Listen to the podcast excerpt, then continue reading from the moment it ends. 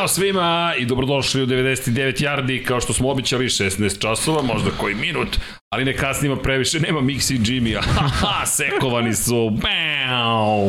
I danas, da. moj dragi kolega i prijatelj Vanja Milićević, koji je u Hvala Vale majci, da. ne znam kojim povodom, ali lepo ti stoji. Ne, seti se Rossi, jutro stokom trke, pa žu... Pazi, žute boje, da. nema, nismo se ništa dogovarali, ali dobro ti majica. Ko želi majicu Hvala Vale, shop.infinitylighthouse.com, ali nismo ovde zarad reklama, ovde smo zarad NFL-a, međutim, pre nego što krenemo, Ne zamerite što nas nije bilo u petak uveče, neki... Pa pazi, Jimmy je otišao u Filadelfiju, da odnese sek Hrcu da ga a, to časti, je, a, okay. a, a Miksa u Baltimore, mislim, ne može da primeš 42 ne, poena. Ne, Miksa je otišao u New York da, da pita Joe Flaka da li hoće da se Nis? vrati u Baltimore, to ti kažem. Da... A može... Izvini, ko je pobedio prethodnog vikenda?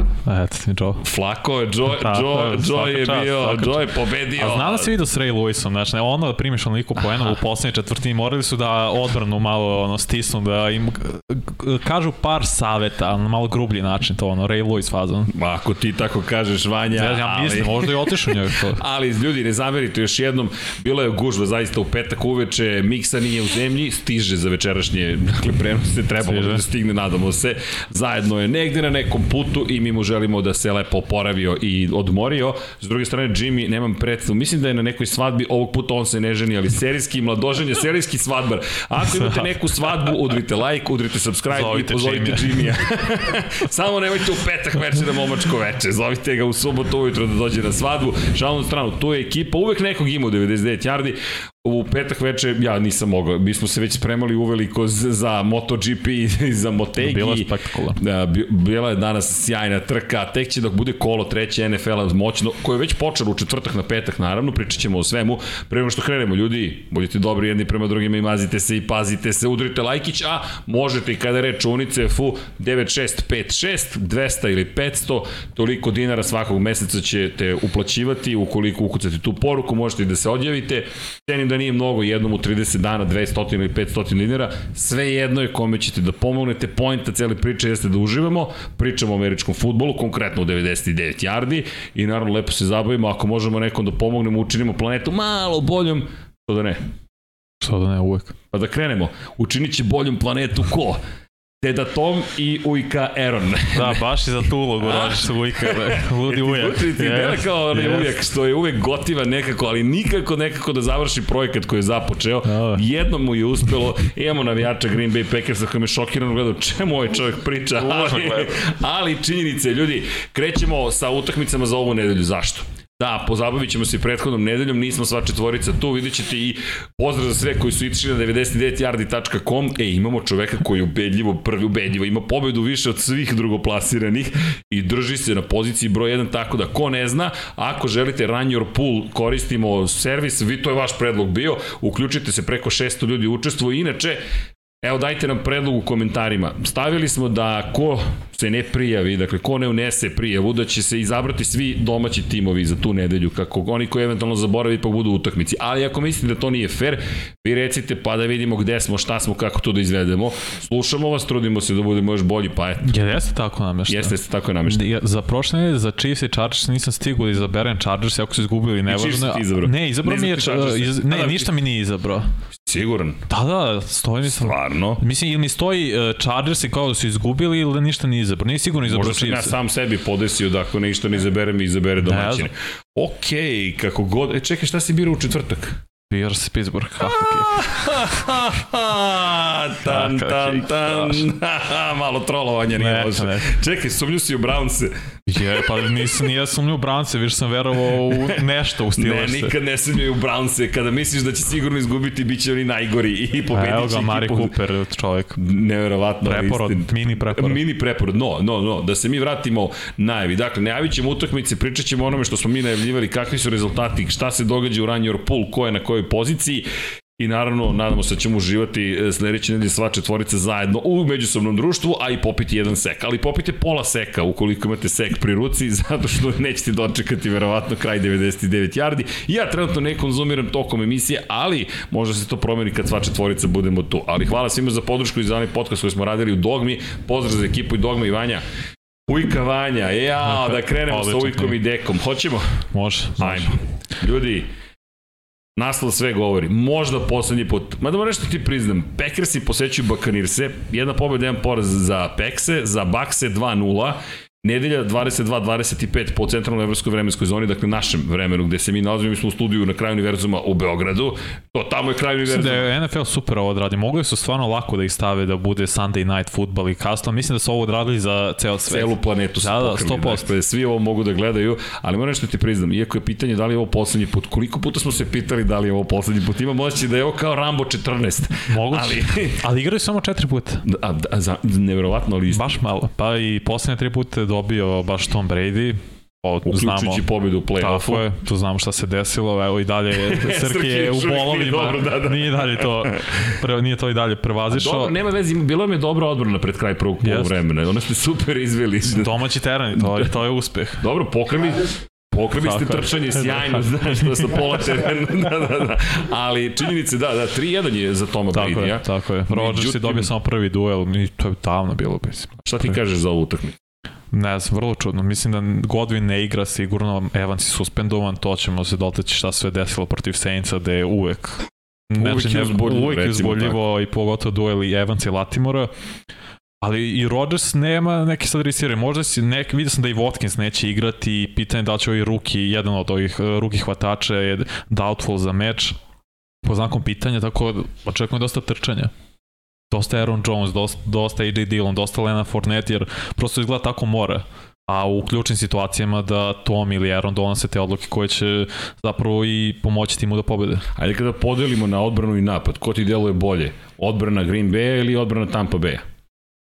Podjednako. Podjednako? Pa zato, znaš zašto? Zato što ta, odbrana Tampa je imala prvi meč Dallas, koji smo videli u kom je stanju taj napad, jedan od najgorih trenutno pošto su primili svega 3 poena i znamo šta je Dallas i raspad i ofenzivna linija, igra trčanja nije postala protiv Saintsa, na kraju je Winston taj koji je odlučio jer bacio tri presečene lopte u šta u poslednje četvrtini. Kome je bacio te presečene, da presečene ne, davanje? bacio u double coverage, pa je bilo bo, ono, Činjenica. znaju oni šta, ali to ti kažem, znaju. znali su šta sledi. Tako je. Ako ga neko poznaje, to su njegovi stari drugari. Tako je. A i to, je, to se i videlo nekako, kako se bliže kraj meča, to ono što smo pričali, sada će da puste ruku. Mislim da je zapravo mislim da je zaista bilo pogrešno. Kako je napad organizovan bio Saints, mislim da je to pogrešno urađeno i da su Bez doveli potre. čoveka u situaciju koja je najslabiji.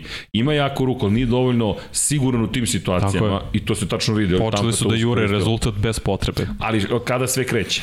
Kao kreće, zapravo kreće sa Tom Bradyjem koji je izazvao Latimora. Ga naravno. Nešto mu je rekao i onda se ovaj okrene i onda je Fournette, ne, to je moj quarterback, bam, ovaj ustaje, oh, aha, Mike Evans vidi to, koji je izašao iz terena, malte ne čovek, nećeš ti Toma, I, I to, ko je gore prošao u celoj priči? Pa Saintsu. Izgleda da je ovo podstaklo zapravo Bakanirse. I pokrenulo, pokrenulo lavinu. Da, da. Jednom Saintsi su izgledali kao tim koji ne može da zusti Bakanirse, što je potpuno suprotno svemu što smo gledali poslednjih 3-4 godine. Pa vi, oni su u poslednjih šest četvrtina, znači računajući prethodnog godine ono kad je bilo 9-0 i sa prve dve četvrtine zadržali Baksa na 0 poena.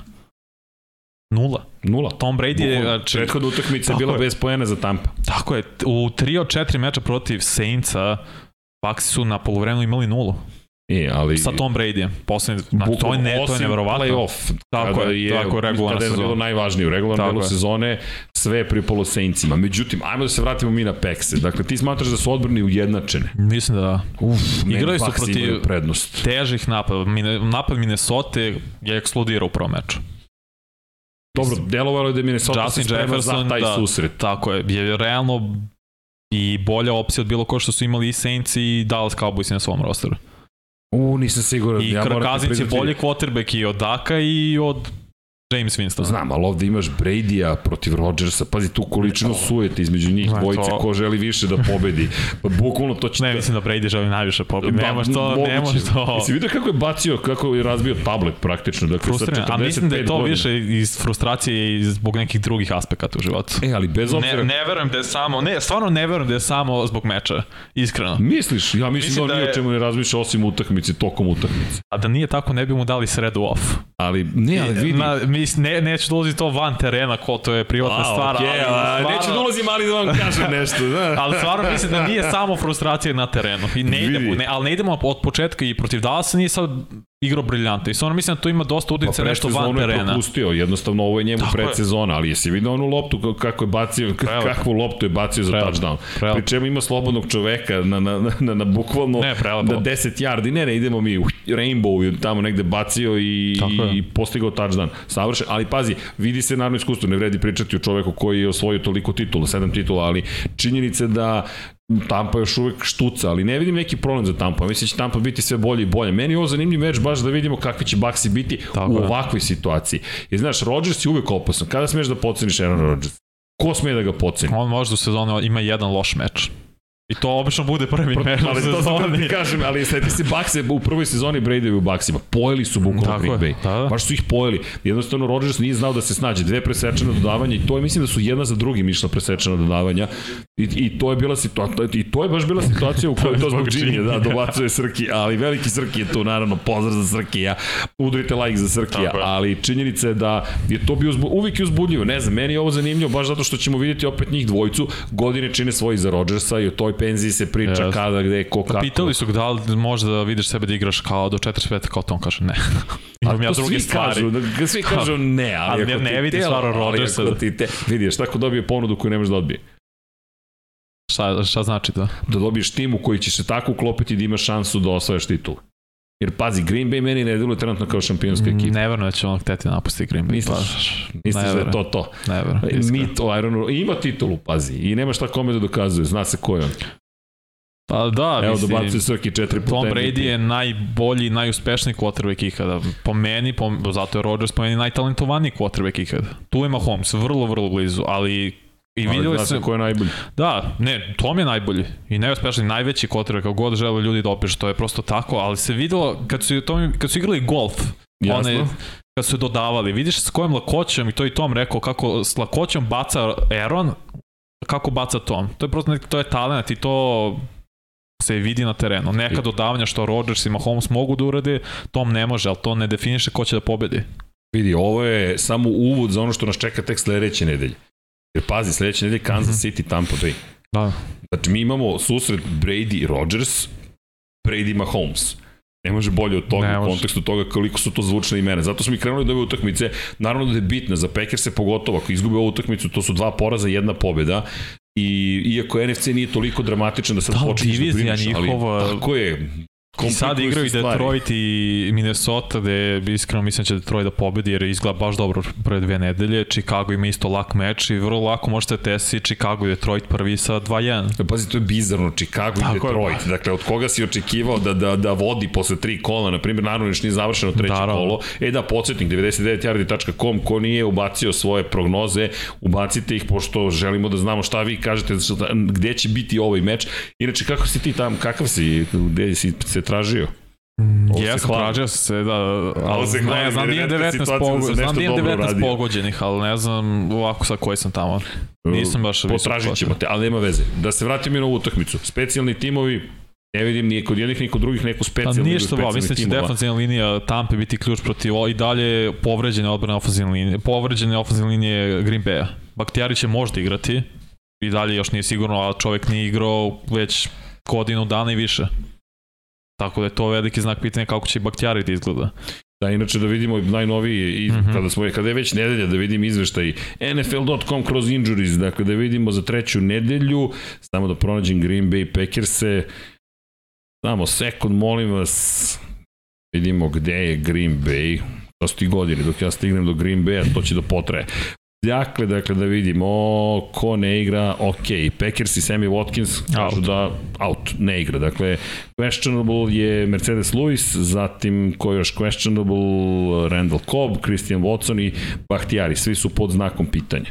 Da. Tako da je to spisak za njih. Kada je reč o Baksima, mm -hmm. tamo je spisak malo, malo duži. Kim Hicks je sigurno out, Chris Godwin, kao što smo rekli, neće nastupati. Donovan Smith i Kay Dotton su doubtful, questionable Julio Jones, Brashad Perryman. Perryman koji je mnogo bitan za Brady u celoj priči, ali mislim da će igrati prema najnovim informacijama, ne znam, questionable stoji.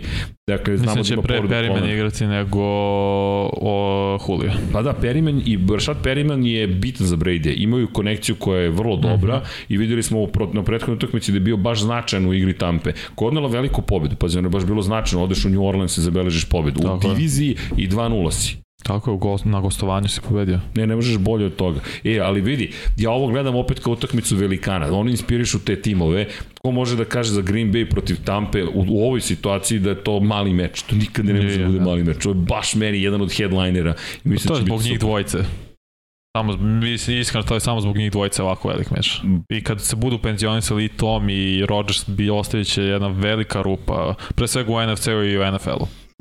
Apsolutno, a, a pritom postavljamo pitanje dalje poslednji put. Znaš kako je? A da li ti miriše da će se ipak sresti negde u play-offu? Volao bi play-offu A mislim da će se sresti, da to je neminovno da se sretnu ponovo u play-offu. Ja mislim da je to bila velika radost. A i lepo si rekao, kada odu Green Bay, Tampa Bay, to će biti potpuno nevažna utakmica. Tampa će se vratiti u svoj neku, ono, Succaneers.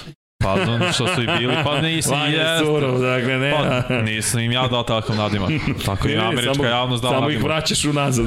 pa jeste, i to je činjenica prosto. I ne samo i Brady, mislim, on ima i dosta igrači, Lavonte David je isto imao od, sad za poziciju linebackera određen broj godina već. Mislim, ima 32 godine, čini mi se, tako da je on će u penziju uskoro taj neki kor igrača Tampe će polako otići i ostaće, mislim, dalje dobri igrači, ali treba ti quarterback da sve to poveže. Znaš što, za Tampu je ovo mnogo dobar početak sezone, obe utakmice su dobili u gostovanjima, yes. dakle, još nisu bili kod kuće, ovo je prva utakmica kod kuće, zato ja više veću prednost dajem, više vidim Bakse kao pobednike ove utakmice, ne znam šta ti kažeš. Ja sam uvek biram Uvijek bira Green Bay, da, zna se. Uvijek bira Rodgersa, da.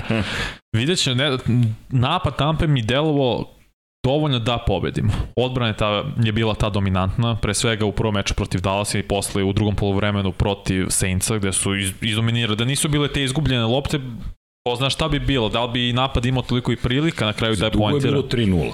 Baš je dugo bilo 3-0. Samo je prvi napad Saintsa bio uspešan i onda 3-0 trajalo, trajalo, trajalo. Obe odbrane su bile baš dobre. I baš smo se pitali, Žuli, ja Pa je odbrana prva poentira, ovde na kraju je poentirala odbrana Tampe. Nekako kao da je to bilo nema. Da, da. Ali Tako James me zanja kako će da izgleda napad uh, Tampe, mislim da će dosta forsirati Forneta. Jer Forneta opet igra u nekoj vrsti životne forme. Na što se meni svidelo kod Forneta? Svidelo mi se više od trčanja kako je zapravo, kako igra blokira. Jer ako ti pogledaš, on je čuvao sa leve strane Brady-a prilično dobro. Dakle, on, on je odlično odigrao ulogu nekog tight enda, ne znam kada da je zamenio Ogroman čovjek. Ogroman, ogroman čovjek. Ogroman čovjek, da, ali ti gledaš njega koji zapravo čuva Brady-a i kažeš, aha, okej, okay. dakle, Fournette ovde će biti u utakmici, mm -hmm. ko brate pažnju, kada je Fournette na terenu, ne znači nužno da će trčati, već da će igrati zapravo zaštitu, jer Brady i dalje potrebno vreme u džepu da on stoji, sačeka, pronađi koga treba Tako i je. uradi svoj deo posla. Tako je. Ovo lepa utakmica na čeku u svakom slučaju. Dobro, vidjet ćete ko je šta prognozirao, ali pošto smo nas dvojica, malo ide brže možda, pošto nemamo, jel te, nemamo Jimmy-a, nemamo Miksu. Da, da. Nema. Imaš ti devojku? Ja, ja. Imaš, au. Ne, ne, ne, znači ti uskoro da mi znaš na ludi kamen, ne, ne, ne, znaš ludi kamen. Neće to dugo, dugo desiti. glava. Prvi put se uhvati za glavu, da, 99 Neće to dugo, dugo desiti. Ne, da, okej, okay. bolje. Sjajnu poruku da, šaljemo. Da, neće, lajkujte ukoliko neće se dopalo ovaj komentar. Ne. Sačuvaj, o, za, zapiši time Sačuvaj kod. Sačuvaj ovo, vidi. zapiši time kod i onda ćemo da vidimo kada se to bude desilo, koliko vremena je Moram da definišemo što znači dugo. Tako je. Mislim da ćeš biti fleksibilan u toj terminologiji. Ne, pa minimalno Ali, pet. Kako minimalno pet? Godina. Nedelja. Godina. Godina, okej. Okay. Ajmo, ajmo, idemo u Vegas negdje, pa da vidimo Moš, kako se tamo rešavaju stvari. Da. Trki, koju nam utakmicu daješ sledeću? Ti si danas naša režija, naša produkcija, naš... Uuu, evo oh, oh, oh, oh. Ovo si izdvojio zato što je baš sad playoff implikacije. Da. Kogod ode 0-3, to je već ozbiljan problem, pogotovo ako si Raiders i u AFC zapadu. Čekaj, si ti pravio thumbnail?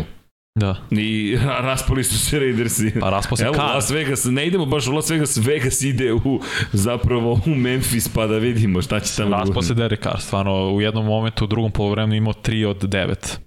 Za ne, mizarno je tweetovao sa koliko yardi ima. U, pa. A da vidim. Evo ga, Vegas gori, gore Raidersi. Da. Pa mislim, gori Derek Carr, stvarno je opet mu opala igra u drugom polovremenu. Iz nekog nepoznatog razloga, kažete, krenuo sam da tweetujem zbog, zbog tog meča pre svega, ne mogu da verujem da krenuo tweetujem, ali jednom momentu je 3 od 9 bio. I glavni je razlog zašto su oni, zašto nisu postigli poen. Vodili su 20-0 u prvom polovremenu i nisu postigli e, niti jedan poen do kraja četvrte. Dobro, ali ajmo ovako, ajmo da pogledamo i protivnika. Da pogledamo Titans. Titans ja si očekivao 0-2 za taj. Ja zaista sam šokiran. Ne, pa prve, ok, prve kolo su omašili protiv Giantsa field goal za pobedu. Plet nesrećnih okolnosti i rukom srca nisu zaslužili da pobede. Igrali su loše, istina. Kada govorimo o, o, o, o Giantsima, Giantsi zaslužuju sve što su postigli. Giants su prvi 2-0 od 2016. Su, u, ako se ne moram, u NFC postoje dve nepobeđene ekipe. To su Giantsi i Fila Tampa Bay Buccaneers. I Fila. Ili fi, I Fila. I, i Philadelphia, da, zaboravio sam Philadelphia. Pazi, Giantsi su neporažena ekipa da. i nije da su zaslužili to tako što su slučajno odigrali dobro. Ne, u obe utakmice Igrali su tvrdo dobar meč, da. Ali imali da. su planove i meni se svidelo, pazi, i Titansi nema izgovora, pazi, ako si ti ta ekipa koja bi trebala da postigne ne znam šta u AFC-u, a ti izgubiš protiv Giantsa prvu utakmicu, nije to baš dobar signal. Drugi meč već protiv Buffalo, to ja stvarno očekivao i to sam rekao prošle, u prošloj epizodi 99 Jara će Buffalo ih oder. Odvalili su ih, nepretno je bilo gledati, stvarno. Baš je bilo neprijatno. I Derrick Henry je zaustavljen, koliko ima dve... Možeš grafiku staviti, mislim da ima 24 yardi trčanjem ukupno. Vidi, već znamo, naš pitanje je Derrick Henry kada će uspeti da ga, da, da, kada će krenuti Tako da ga zaustavljaju češće zapravo. 41-7 je bio rezultom. Baš je bilo neprijatno. Vidi, ali da li iko očekivao da ne bude gaženje? Jer Buffalo Bills je trenutno, znaš, jedina briga za mene... Buffalo, Buffalo Bills su Bills tim koji su na misiji. Tako deluje. Kao prošle da. godine, ne, ko da hoće da se osvete za prošlu godinu, evo pogled na, malo ćemo da kombinujemo, nemojte da zamerite, ali ovo je rezultat prethodne nedelje. Mislim, ovo Pazi, baš... sedam pena si postigao u prvoj četvrtini, to je bilo to. Ryan Tannehill je bacio loptu za 117 yardi. Procenat uspešnosti mu je jedva preko 50, Jed. 50%. 55%. 55 bukvalno. Dakle, mi govorimo dva presečena dodavanja. Pogledaj Josh Allen. Mislim da Josh Allen kreće, sad ide kad tome bude najbolji kotreb u ligi. Da, ima istine u tome. I Mislim, precizan je, on i, i hrabar je, i kombinacije su sjajne. Pa ne samo on, vidi, kada pogledaš generalno, ono što mene fascinira, 15 puta je kada Diggs ubacio loptu, 12 puta je Diggs uhvatio loptu. Znaš, to je ozbiljna, da. to je ozbiljna preciznost. I ne samo to, sigurne ruke imaju kombinaciju odbrana, odbrane. Šta ti je bolje kod Bills? Napad mi bolje jer odbrana sad malo kreće da se kreće u povrede se nišu. Ed Oliver neće igrati ovaj meč, to doćemo do toga protiv Miami kad budu igrali. Uh, Majka Haj im se povredio za celu sezonu takođe, Tako da malo odbrana sad popušta povrede, stižu, ali napad izgleda brutalno. Da, ali vidi, odbrana je zaustavila Derika Henrya na 1,9 yardi prosječno. 13 puta je dobio loptu, 20 Mislim da to do, sad već do ofenzivne linije tenisi. Mnogo su osuli, li, uh, telo livanje povređen za celu da sezonu. Prolaz, ali Nema. To, ali to ti kažem, na kraju dana odbrana će odraditi svoj deo posla, ali okej, okay, Istina, ako je ofenzivna linija lošija, lakše će biti odbrani. Međutim, bez obzira na to, znaju gde mm -hmm. treba da zustaje, a ja ne vidim da Tenehill može standardno da povuče ovu ekipu i da je podigne na neki toliko visok nivo da kažeš ok, da odmestit će to što nema Henry. Ako Tenehill nastavi o, da igra u ovom ritmu, ova forma da bude. Mislim stvarno na sred sezone očekujem da Malik Willis postane starter. Nema šta da izgubiš u tom momentu ako si ti već 3-6 na primer. Ako si daleko od playoff slike, šta imaš da izgubiš ako startuješ Willisa? Baciger, očigledno Tenehill nije rešenje, ne može da povuče i to smo znali, Tenehill je najbolji kotrbe kad radi play action, da finta da, da dele lop. Kome? Za, za, tenis, za tenis i bukvalno. Da. To smo, i naja, to smo radili, to smo rekli najava. To je prosto... To sam rekao, ja mislim da je Tennessee došao neke granice. Da je prošle godine bila prilika propuštena i to je to. Propuštena zbog povrede Henry, na kraju kraju. Memphis, Nashville. Zašto je stalno preselimo? Da, se Nashville. Nashville, Nashville. Sad mislim, zašto radi? Yes. Mem, ljubav prema Memphis. Imam drugari iz Memphis. Stvarno, da. Da, pozdrav. Top. Čovjek se zove Akira. Nice. Bukvalno. Čale mu je volao mnogo japanske filmove i nazvao ga Akira. Da, bukvalno. I kao, kao ja sam Akira, kažem, ok, odakle si, kaže, iz, iz Memphisa. Fenomenalno. Kaže, Čale mnogo voli Akira, Kuru, Akiru Kurosavu, rekao, top. Tako da, eto, to je, šta ti je, šta ti je multikulturno društvo. Inače, čovjek nije japanskog porekla, bukvalno je amerikanac, baš, baš, već četvrta, peta, šesta generacija, ali kao Akira, rekao, top. Ali ajmo mi dalje. Dakle, Nashville, izvinjam se svim navijačima tenisa. Ne znam, stvarno, mislim, ako se nastavi ovako sezona da čeka rebuild tenis. Ja Zašto da bi to plaćao Tenehila toliko, toliko para? Vidi, ali lepo si rekao, mislim da od ove utakmice mnogo zavisi. Mi obično nekako sumiramo utiske posle četvrte utakmice. Ovde već treća, ako ti izgubiš treću, još izgubiš kod kuće, to je to. Ali da li zaista vidiš da, da, da će Raidersi da dođu u Nashville i pobede Pa ne vidim. To me stvar, ja, ja sam izabrao Tennessee. Meni je Las Vegas izgleda još gore, iskreno. Ne znam šta, mislim, oni produžetak na kraju gde je Kara umalo baca presečenu loptu, pa onda baca Renfro koji dobija jeziv udarac. Bio je čovjek u potres mozga dobio instant i vratili i posle izgubili su taj meč, ali odbrana kako je reagovao da Kyler Murray u mesto skoro trči 86 yardi za onom je neko bacio muziku ono i, ka, i postiže to ne, dobro ali pohvali za Kyler Murray. Sve pohvale Vidi. za Kyler Murray koliko god sam kritikovao izvukao je meč stvarno izvukao meč. ja, ja nisam verovao više već sam pomislio ok to je to. Međutim i, i on i Tua herojska nedelja iza njih znači spektakularno. iskreno Tua baš, baš, baš Tua iz iz, tu sa koleđa se pojavio, da. otprilike to izgledalo tako. Da ima takvo oružje. Po. I bukvalno, e, inače neko je super stvar uradio kad je reč o tu, tu i, dakle, quarterback u Miami je tu tako, Dakle, gledajte, o, ako uspete snimke da izvrnete zapravo, da ga da, posmatrate, to mi je bilo super. Dakle, stavili su praktično, flipovali su po, ver, da. po, po, po vertikalnoj osi i onda gledaš kao da je desnoruki bacač i mnogo ti nekako jasnije sve izgleda šta se događa na terenu nego, sa le, nego levom rukom kad baca. Mnogo dobar, mnogo dobar moment, potražite na netu, ali da se mi vratimo Raidersima i Titansima. Ok, što smo mi izdvojili ovu utakmicu? Zato što koji god tim izgubi, mislim da ispada kompletno iz play-offa. U AFC-u kakav je sad? Pazi, u ovom momentu mi pričamo o sledećem. Dakle, mi govorimo ovde u južnoj, zapadnoj, ajmo krenemo od zapadne divizije, mm. ajmo od Kansas City Chiefsa. Chiefsi 2-0 izgledaju I igre protiv Colts. Igre protiv, da, igre. Neko mi danas rekao kao biće sjajna utakmica, Colts imaju šanse, kažem, ko, čemu pričam? E, ja sam birao Colts. Aj, sam birao Colts, yes. o, bold čekaj, doći, ajmo, bold predict, doćemo posle do toga, ali pazi, Kansas City 2-0. Dakle, jedna pobjeda kod kuće, jedna pobjeda na gostovanjima, pri čemu, ja, Chargers izgleda super. Gađao bih te ovom loptom, dakle, gledam vas i razmišljam, da li je realno, samo zato što sam vas birao, sam sam zbog toga se iznervirao. A kad propustiš tri prilike da presečeš loptu Mahomes. Jel ti ovo liči na, izvini, na kone Kansas City Chiefs pre Nisu mi ubedljivi još Chiefs. Ali Oni su izvukli prošli četvrtak. Dobro. To dobili jesu. Vidjet ćemo sad na ovom meču. Ako na ovom meču pokažu da urade nešto slično što su Jaguars radili kolcima, onda okej. Okay. Dobro, da se vratimo na diviziju. Dakle, Chargersi 1-1. Tako je. Denver Broncos 1-1, jedva ali 1-1. To je, e, to me već znak Jedva ali 1-1. Las Vegas Raidersi bez pobede, dva poraza, katastrofalan početak, pre čemu da su izgubio kod kuće, jedno su izgubio na gostovanju. I sada, ukoliko izgubiš, ti si 0-3. I to su dva poraza od AFC timo. Pri čemu Chiefs ako pobede, to je dakle 3-0, ti si divi, pazi, u AFC-u nema opraštanja, biće nema, nema, zato kažem, kogod izgubi ove dve ekipe, o, o, automatski će biti u ogromnom uh, zaostatku i nevjerojatno će se vratiti. Zatim, u južnoj diviziji, Jacksonville Jaguars i vodeća ekipa, jedna pobjeda, jedan poraz. Molim lepo, Trevor Lawrence. ali ne ove nedelje, ali ne ove nedelje. Ne, ove ne može ove da, nedelje. Da, da. Zatim, Houston Texans, Indianapolis Colts, nerešena jedna utakmica, jedan poraz, ali to ih stavlja na pozicije 2 i 3 i na četvrtom mestu su Tennessee Titans. A, drama. Jest. Ozbiljna drama. Ti sada, ako se ne izvučeš, Neću reći to je to još uvijek, sačekat ću tu četvrtu, ali mislim da si u pravu da je 90% šansi da, da, da moraju da, moraju da počnu da razmišljaju šta sa ovom sezonom. A isto čeka još neke timove, ali, ali ok, za ovu utakmicu, ok, št, ko ti delo, ja, ja ne znam šta da ti kažem. Mora Henry da eksplodira. Jedini način Tennessee pobedi i stvarno Derrick Henry mora ima 30 nošenja.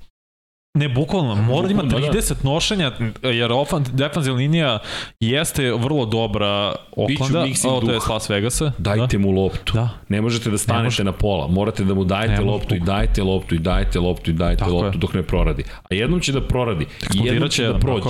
I onda će da, onda će da pokrene ekipu i onda će da bude ono čuveno. King Henry se pojavio.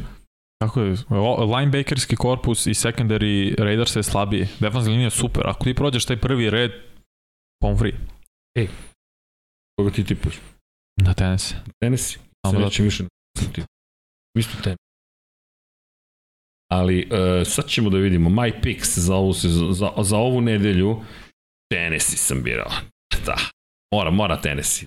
To je samo onako na neki ajde osjećaj, pošto, pošto znaš šta je problem sa Raidersima? Ne vidim heroja kod Raidersa koji može da uradi to što Henry može da uradi kod Tennessee. Ništa drugo. Po Adamsu je potreban konstantan Derek Carr. Da, ali on to Kako?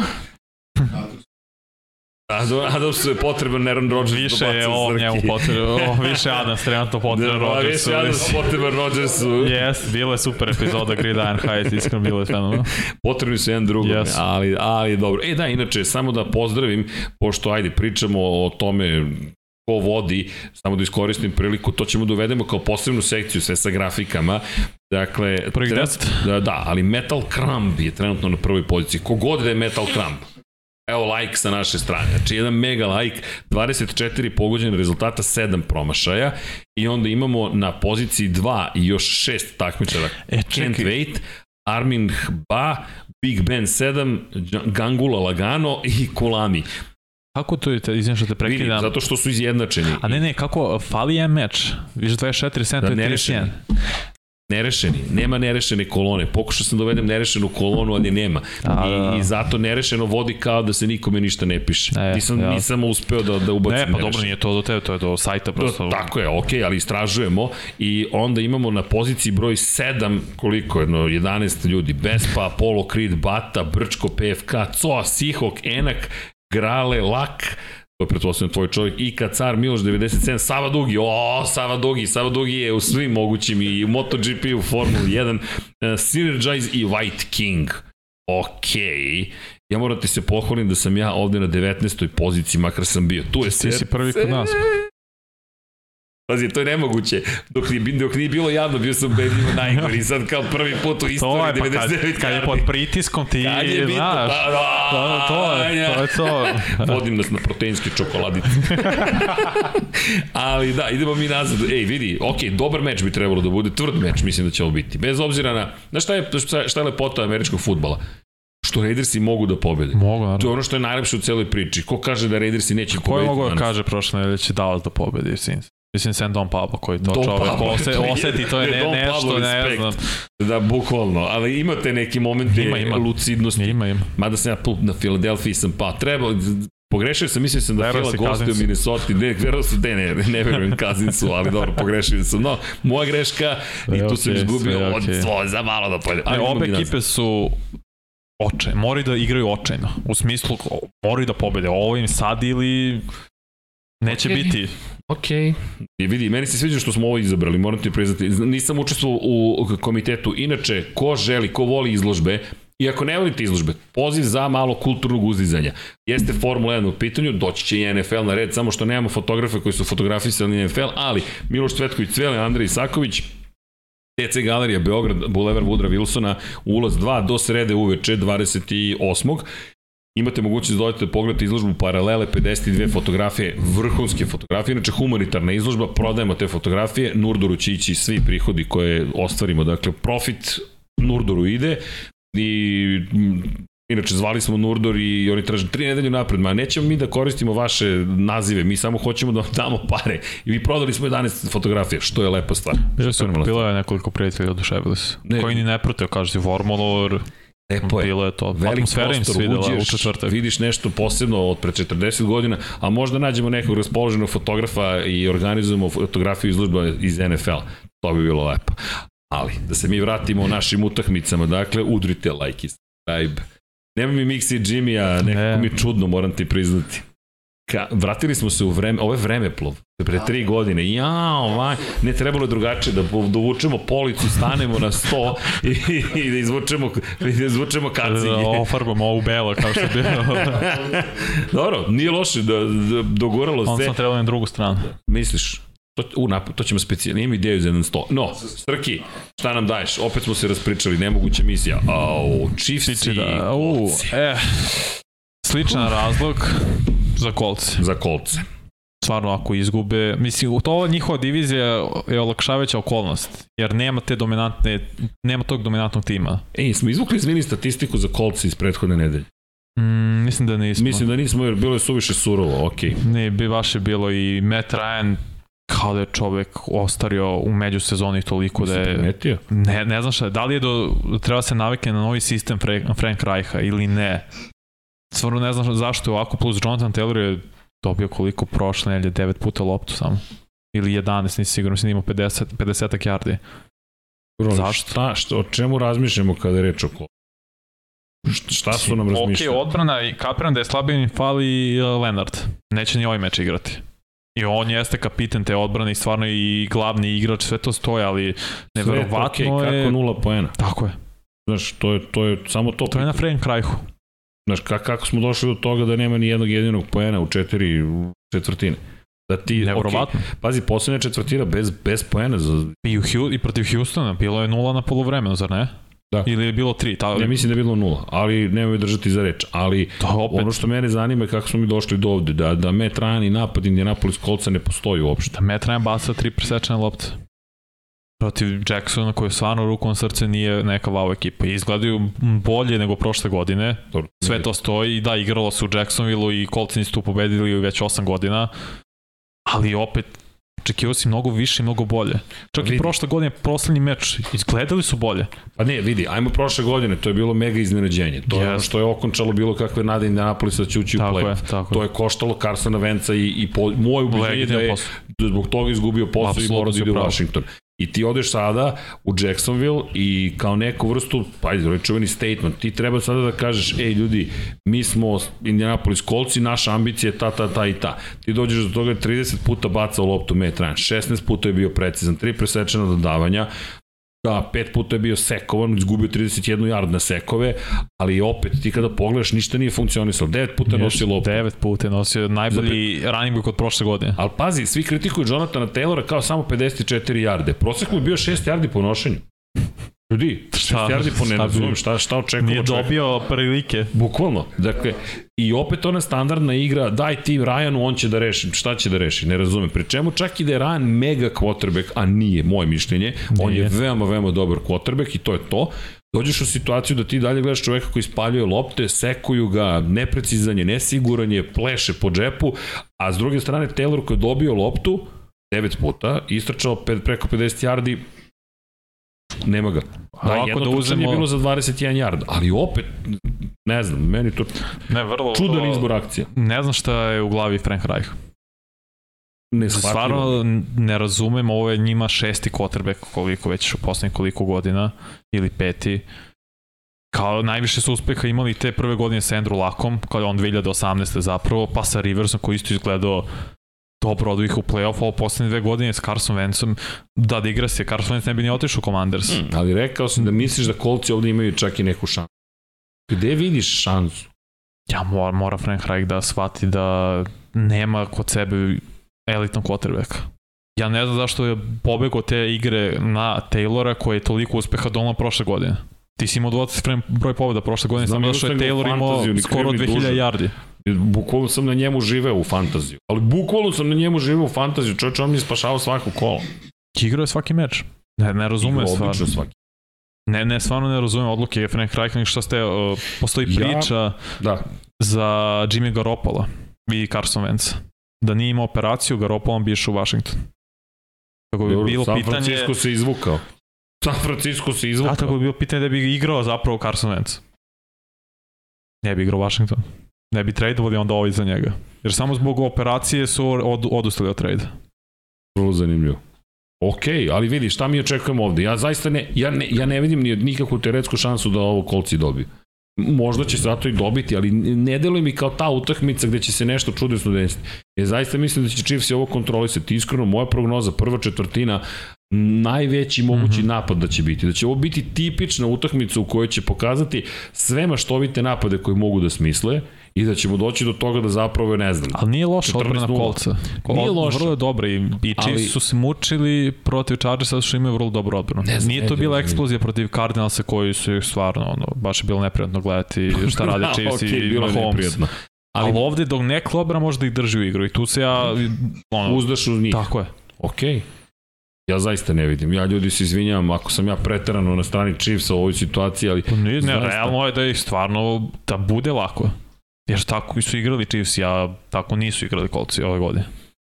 Dobro, u svakom slučaju, ako izgube ovo, kolci manje više gotovi, pa nisu, to divizija po Ta meni mnogo loša. Jedina. E, pogotovo s tenisi koji je toliko loš. Vrlo lako može se desiti da sve četiri ekipe Znaš šta, izgube. ovo će biti istočna divizija NFC-a prošlogodišnja kako Da. krenulo. Neko je to rekao prošle nedelje, ali Mixa i Jimmy, oni se menjaju, te dve Aha, divizije, okej. onako, ko je lošija. Bukvalno, bukvalno se smenjuju. Ali okej, tvoja prognoza, Kolci. kolci. Opa, kolci. Ok, to je onaj bold Da, prediction. da.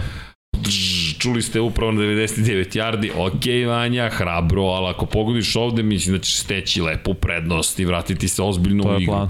Ok, ja idem na Chiefs, uopšte nemam nikakvu sumnju, ja mislim da Kansas City ovo lako, lako dobije. E, da ovo ću prenositi od 19.00, da u 18.00 moramo da završamo, tako da ćemo pokušati da budemo brži. Srki, Cepaj. cepaj. Bills i Dolphins je, uuu, Jedan derbi. a ovo je dobro. Ovo je odlično. Ovo je odlično. Ovo je Ovo je odlična i jao. Prvo, ovo je duel trojice trenutno najboljih hvatača po jardima. Hill, Waddle i Stefan Diggs. I dve neporažene ekipe. I dve neporažene ekipe. Gde je Miami se kako se izvukao u četvrtoj četvrtini da je neverovatno da odbrana Baltimore Ravensa mislim, dopušta da Hill iza njih. Pa Pogledaj samo ovo. 50 bacanja za 36 uspešnih dodavanja. 469 yardi. 6 dodavanja za touchdown, da dva presečna dodavanja. Ali ne samo to, pogledajte četvrtu četvrtinu, 28 i 42-38 na kraju, pri čemu mi ulazimo u poslednju četvrtinu. Ljudi, 35 poena u tom trenutku imaju Ravensi. Dakle, sve ukazuje na to da je ovo završeno. 35-14. Da, 35-14 i Lamar koji je zaista odlično igrao, ne, ne znam. Ne, ništa, kaže Lamaru koji M je bacio za touchdown od 75 plus yardi, M je istočao touchdown za 79 yardi. Pazi, To, to niko nije uradio na jednom meču. Bukvalno. Dakle, on čovjek ima jedan istračan touchdown, tri dodavanja za touchdown, 318 yardi kroz vazduh, preciznost prilično dobra, Jasno. 119 yardi trčanjem, najbolji je trkač, samo još da baca sebi da hvata lopte, to je jedino što mu je ostalo, pa bukvalno i da takera zameni na poziciji kikera i one man show. I ti imaš 35-14 kod kuće i deluje da je sve gotovo i kreće, baš je tua show bio. Je show Terry Hill. Prvo Terry Hill i Waddle su prvi saigrači koji su imali 170 plus yardi hvatanje dva touchdowna. I Neverovatno. dodaš na to da je Miami prvi tim koji je uz quarterbacka imao, koji je quarterback imao preko 400 yardi i preko 5 plus touchdownova na jednom meču. Šest dodavanja za touchdown. da, da. I Babatko bacio je četiri poslednjem četvrtine. Pa da, ali pa, potpuno je poludeo. Jednostavno gledaš nekog drugog tu, kog si, moram priznati, ja sam negde se nadao da bismo mogli da vidimo dobrog tu, ali nešto slično u utakmici, ne, ovo delim, delim i da je anomalija, ali jedna lepa anomalija. Ali ovo je Mike McDaniel isto. Da, ali pogledaj, 13 je puta bilo upućena lopta na Hila, 11 hvatanja. Znaš kad dobiješ nekoga ko ti odgovara kao hvatač, ne, ne može bolje. Ali radili su na toj hemiji u međusezoni. On je već imao uh, hemiju sa Vadlom i vidi se koliko i Hill pomaže Jalen Vadlu. I ti kad imaš dvojicu uh, Hill koji je ult najbrži igrač u NFL-u, Vadl jedan od najbržih, ti stvarno ne možeš njih da čuvaš, ne možeš da ih uhvatiš. Legitimno ne možeš da ih uhvatiš, a Tua što ima 8-1 protiv glavnih trenera koji imaju Super Bowl, to mi je, da, to je zanimljivo. to je najbolje u I sa. Beličikom isto pre prvom kolu. 4-0 sa protiv sa Bila. Beličikom, neverovatno. Znaš, kao koga pobeđujem Bila Pa, Beličika, okej. On je Super Bowl šampione. Pa, je. Ali pogledaj Batemana i Andrewsa, preko 100 yardi. Ne, nemam ništa za napad Baltimora da kažem loše, ne može da. E, Ali zato za odbranu može da se... Možeš mnogo toga. I, I odbrane i napad Majamija koji, koji je profunkcionisao. Ja sam zaista mislio da, da je gotovo već na kraju po, polu vremena gledam i razmišljam, čekaj, mi smo 28-7, Da. znaš, deluje mi, pogotovo kod kuće, da nije bilo da je bilo u Majamiju pa da razmišljamo, bio siguran, ok, još sad tipovo na Majami, bio sam u fazonu Majami, Isto, da. Majami, da, nis, nismo Miksa usrećili, ali, ali Miksa koji je rekao je došao, a inače Miksa je mislim da je najgore kolo u svojoj karijeri prognozera Da. ikada imao Da, u prethodnom kolu. I kako ulazi u kabinu i je kao, i pitam, i ne znam, pričam šta se desilo, kaže ja sam tipovao na Miami, kaže, ajde zađi na, ajde zađi na, a vi što ste mi stavili Jetsa, a, Jet, Jet, Jet, Go Jets. E, to me, to me samo kratko, Jetsi su pobedili. I to bi bilo to. Nego, Bills i Dolphinsi, vidi, ovo će biti, ovo meri super da vidimo. Ovo baš mislim da Ovo je- sudar. Pazi, divizija, Tako je. i jedna i druga ekipa u žestokom ritmu, igraju se u Majamiju, bit će uzvratna naravno utakmicu Buffalo, 2-0-2-0, ko pobedi neporažen u istoku AFC-a izroniće kao najvažniji. E, da li vidiš sada da Bills ovde nastavljaju to gaženje koje su prikazali? Naravno će biti kažanje, jer prosto tako igra i napad Miami je očigledno počeo da igra, ali mislim da će biti nezavisan meč, ali će Bilsi na iskustvo to izvući. Oni već imaju, bili su u ovim situacijama. Miami je sad ta ekipa koji su Billsi bili pre par godina gde su oni tek dolaze, mladi, no, mlad ih sve, tek treba da naprave tu konekciju iskustva. Sećaš se pre par godina kad je Diggs došao u Buffalo sa Josh Allenom. Trebalo im je vreme da, da uđu u ritam. Tako je, tako je. I onda su i svi, i bili su momenti gde oni eksplodiraju, ali bilo momenti gde su stagnirali, kao Miami prvi meč. Nije to izgledalo ovako. Ok, koji blizu. napad je bolji? Ajde, bolje je, metodu. bolje je napad Bills, ali eksplozivniji je napad Miami. A odbrane? Malo Bills. Mada, yeah. proveri injury report. Mislim da dosta... Mike Hyde ne igra ili Poer, ne znam ko od njih dvo, neko od njih dvojca se povredi i bit će out cele godine. Reći odmah. Ed Oliver ne igra događa? sigurno. Tako da zato kažem, malo se rasula odbrana Billsa i dalje mislim da je bolja. Čekaj, izgubio mi se injury report. Izvinite samo sekund, molim vas, sad ćemo Pa, lago. Ovo je poslednji, barem bi trebalo da bude poslednji dobijemo. Da, treba da što meč sad za... Inače, poslednja vest koliko je Justin Herbert je questionable. Pa, on će biti na o warm-upu, da li da uzima painkiller ili ne, za rebra. Ne znam da li će moći da igraš. Pa, šta, nadam se da će igrati. Ja, ja ne menjam svoj pik svakako, ali mora da igra. Čekaj, čekaj, evo ga, Dolphinsi, dakle, Billsi, mm -hmm. Da vidimo, um, koji je Ed Oliver je out. out. Zatim Mike Hyde, takođe. Znači on je out za celu Vrat je povređen, Jordan Phillips neće igrati, Dane Jackson neće igrati, čitam samo šta je prijavljeno da sigurno mm -hmm. ne mhm. igraju. Dakle, i sad pod znakom pitanja je Mitch Morse, Jordan Poyer je takođe pod znakom pitanja, Lawson Knox, questionable, da vidimo, Gabe Davis i Tim Settle takođe. A kod Dolphinsa, Davian Howard je takođe pod znakom pitanja, Rekon Davis, Wilson, Carter neće sigurno igrati, Hunter Long takođe neće igrati i Teron Armstead je pod znakom pitanja. Bolja situacija u Miami. Bolja situacija.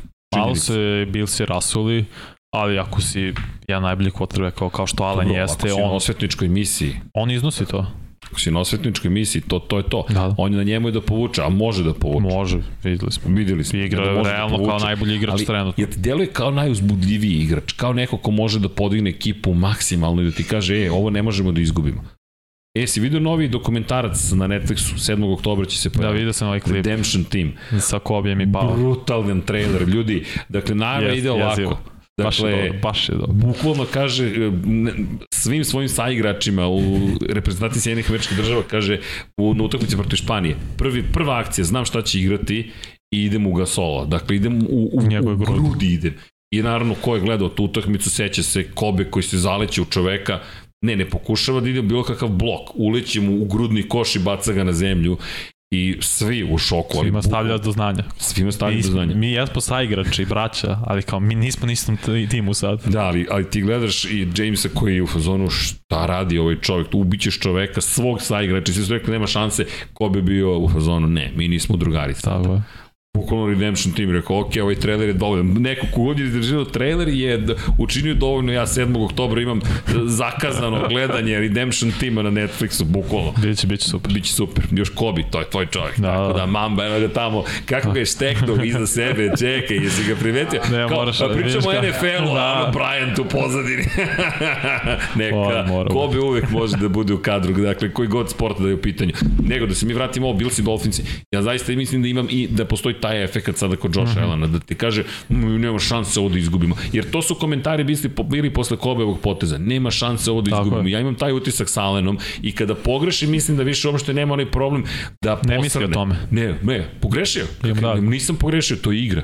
Bukvalno to mu je stav. To, to je bilo Malo pre, to više ne važi. I to mi se dopada kada su nepobedivi, kada imaju tu auru nepobedivosti. Naravno, obično kad postaneš prepotentan, neko te zvekne šamar. Ne delo mi još tako. Ali mislim da, da nije još došlo to vreme. Mada, ja Mada i, i to je okej okay, isto. Desilo se Ramsija prošle godine da ih Arizona stavila na mesto. Yes, da ih je San Francisco ali nekoliko mi, nedelja stav, ovaj posle tim, stavio mesto. Ne znam, meni ovaj tim Bilsa deluje na još većoj misiji nego Ramsey prošle godine. Ne, jesu, apsolutno. Bilsi mi baš deluju, znaš kako, kao da hoće iskupljenje od Imaju osjećaj mi nešto oduzeto prošle godine. Ne samo to. Mi smo trebali da pobedimo i nismo, nismo, nije ni data prilika da Vanja, da uzvrtimo. Vrati se u 90. Četiri Super Bowl. Četiri Super za redom, bez titule. Znaš, to negde bori, boli, negde nekoga na onom stadionu boli, boli, boli, boli, boli, boli nas sve. Znaš, ti gledaš istorijski tu utakmice, kažeš, pa nemoguće da nećeš dobiti jednu. Nijedno nisu dobili. Da, predviđenje Jim Kelly. Da. To je dugačak, to je mnogo dugačak period bola, ozbiljnog bola i još onda dođeš u situaciju da si mogu da dobiješ utakmicu i izgubiš. Stana Novčić.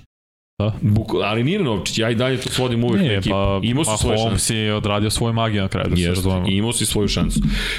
Dobro, Bills i Dolphins. Ja ljudi, kažem Buffalo. Ja mislim da će ovo baš biti derbi kole, iskreno. Meni je ovo čak veće od, od Brady i Rodgers da ne igraju, ne bi to, to bio, bio naslov. Da, da, dakle, a to moramo da stavimo, to su legenda ovoga sporta. Dakle, osam titula između sebe imaju, to je jedna skoro cela decenija. Brady tri puta MVP, Rodgers četiri puta. 7-1. Dodaje Dobro, pazi. Ali bez obzira, vidi, to je opet 8 titula. Nikad, nisu, nikad se nije desilo da neko ko ima minimum po 3 MVP nagrade igra jedan protiv drugog. Brady 3, Rodgers 4, mislim, to je stvarno, to se ne dešava. Nije tako loše. Da, ali ovo su neki novi, novi klinci. Yes. Meni je ovo super. Meni je ovo pravi derbi 2022. Allen je sigurno jedno od novih lica NFL-a. Pitanje je da li će to biti tu na poziciji quarterback. Ok, ali vidi, Tua mislim da najzad počinje da veruje u sebe. Ne kažem da je ona utakmica sad da ne znam šta donela, ali potrebne su ti te utakmice, ti koraci. Potreban ti je tim, kad nisi toliko... I Mike McDaniels koji je neverovatan ofanzivni misli sad je glavni trener, ali kakve ofanzivne šeme pravi. Da, da, ali on odgovara tu i tu, a njemu odgovara. Zašto veruje njega? Da, da, ali to je dobro. Oslo... I nema onog pitanja kao prošle godine, ko je naš quarterback? E, pa nemamo pojma, odlučit ćemo u sedmoj nedelji. Ne. E, do, do, stvarno, odlučit ćeš u sedmoj nedelji. Okej, Srećno. Ali sad imaš i brutalnu ofenzivnu liniju, brutalne hvatače. Pa to je sve ono što ima na Alabama. Pa i odbranu si pojačao, čekaj, pa, koja je već bila jaka, tu, koja je da. bila jaka, ti da, si da. nju pojačao. Sjajno, ne znam, meni Miami, ja mislim da će Miami ovo dobiti. Iskreno, ja mislim da, i to ne sad neko čudesno dobijeno, prosto mislim da će Miami dovoljno biti izdržljiv žilav tim. Ali to je lepota, Jesu. nemam pojma. U svakom terminu imaju super meče i to lepo kako su raspodeli. Srki, vozi nas dalje. 49ers i Broncosi. Kao da smo se vratili u diviziju. Znaš, kao, i, ali pazi koji utisak imam. Od, jednostavno, kao da su Broncosi postali Seattle. Znaš, oni nisu, oni su Denver Broncos, oni imaju svoju istoriju. Tako Sad dolazi quarterback iz Sijetla i svi se bavimo Russellom Wilsonom i njegovim uklapanjem u Denver Broncos. Koliko je i on zapravo važan u celoj priči, a ovde idemo na 49 koji dobro poznaje. Ide se u Denver. Mile high. Šta ti vidiš ovde? Pa vidim pobjeda prvo San Francisco, zašto okay. doći od toga, ali gledam i gledam baš Russell Wilsona prošle nedelje, ja sam kritikovao Wilsona što ono prvi meč izgledalo ni na što. Okay. Baš izgleda loše i sad isto protiv Texansa ništa bolje izgleda, bilo 16-9 i publika I moje 14 od 31, čini mi se, baš izgleda je loše, zašto to kritikom, očekujem mnogo više od Russell Wilsona. Ali on dovede svoj tim do nekle i posle u play-offu izgubi. ali dobro, opet ima on meni, svoje magije u nekim On ima magije, ali on zastane u nekom momentu. On je od 2015. 3-5 u play-offu. Sa svega 13 touchdown dodavanja u 8 mečeva i 6 presečanih lopti. Ali dobro, pazi, to je play-off. Opet ovde ima ekipa s kojom re... trebalo da postiže jeste, rezultat. I on jeste, razumem, i Judy i Hamler su bili satom povređeni prošlo, protiv Texansa. Ali to su Texansi. Ti moraš na neki način neko da izvučeš i to i na Hacketu koji je kao glavni trener loše počeo. Nekoliko stvarno odluka da se zapitaš, pre svega field goal u prvom meču i, i uh, kako vodi zapravo, kao nešto, nešto slično Mike McCarthy što tiče timeoutova Mnogo je čudno koristio prethodne nedelje, jako su to dobili to jeste na Heketu, ali i na Wilsonu da pronađu tu hemiju kao, ka, kako funkcionišemo zajedno. Dobro, ali da li ti ovo izgleda nepopravljivo ili ti izgleda trenutno loše? Izgleda mi samo trenutno loše. Isto. Ja mislim da uopšte Denver Broncos se ne treba poceniti. Pazi, septembar je, tek smo počeli, njihovo je da dobijaju utakmice. Na kraju dana su dobili, pazi, 10-0, poslednja četvrtina. Izvukli su na kraju. Izvukli su se. I okej, okay, ono što mene više brine kod Wilsona jeste da se da to da je to postala navika potreba za izvlačenjem. Upravo Znaš, ti stalno imaš potrebu da se izvlačiš iz nečega. Ne, organizuj tim da vi uopšte se ne postavlja pitanje u regularnom delu sezone da bi se izvlačio u play-offu. Ako se izvlačiš u regularnom delu sezone, u jednom momentu ponestane sposobnost izvlačenja. Ne mogu ga hvalim ako je tipa bilo koji kvotir igra prve dve, tri četvrtine loše i onda, a u poslednju je on izvuko i odigrao je super, ali i pobedio su. Pa da, odi, po... Iznervirao se vanje. Ne, pa ne, i odigrao je, su, sve okay. odigrao je super, ali koji ih je dobio tu situaciju da mora da sad odigra herojski u poslednje četvrtine. Da, pazi, 31 bacanje imao. 14 uspeh uspešnih samo. Da, samo To je- 14 to je- uspešnih. E, Ono što hoću da kažem, ako pogledaš, Williams, Gordon, trčanje 75 yardi, 47 yardi, Okay. ko, vidi, po prosečno 5, to je 4,7 yardi, uopšte nije to bilo loše, samo što niko nije nosio ne znam koliko, ali generalno to je bilo dosta aljka utakmica, za mene makar. A, mi, a to je na da. Hacketu, to je na glavnom A, treneru. okej. Mislim, Apsolutno. vidi, Ali Mills dobio svoju priliku, njemu su, se- na njega su se tek oslone, 38 dodavanja je imao čovek, nije sad. ali to je neka druga Ma, priča. da, ovde je fokus Denver jer proti dve loše ekipe, Seattle i Houston, ti se prvo gubiš, drugo se izlačiš. Šta ćemo sa 49ersima? Ajmo, šta ćemo sa Preporod, 49ersima? od kad je Si Ne, žao mi je Trey Lance, stvarno on je ozbiljno polomljen zglob, ima operaciju, uspešno je prošlo, imaće full oporavak i sve, bit će 4 do 6 Ja mu zaista meseci. želim sve najbolje. I sezona je završena. Jeste, Sezona je sezona je završena. I po, to je problem za Trey Lance jer nema dovoljno, što amerikanci kažu reps, nema dovoljno ponavljanja. Pa, ali nema Ono karijeri svoje nema dovoljno, ne igra dovoljno futbala. Bukvalno, on dečko dolazi u situaciju super si talentovan, ti sad treba da predvožiš legendarnu ekipu 49ersa, ali mi tebe ne viđamo na terenu. Koga mi viđamo? Mi stalno viđamo Jimmy G-a. Jimmy G kao najžilaviji quarterback, a zaista. A nije. I, I svaki put otpustit ćemo te, a Jimmy G malo, malo u playoff, do finala konferencije, do Superbola. Tako je, tako je. Znaš, Jimmy G, Pobednik.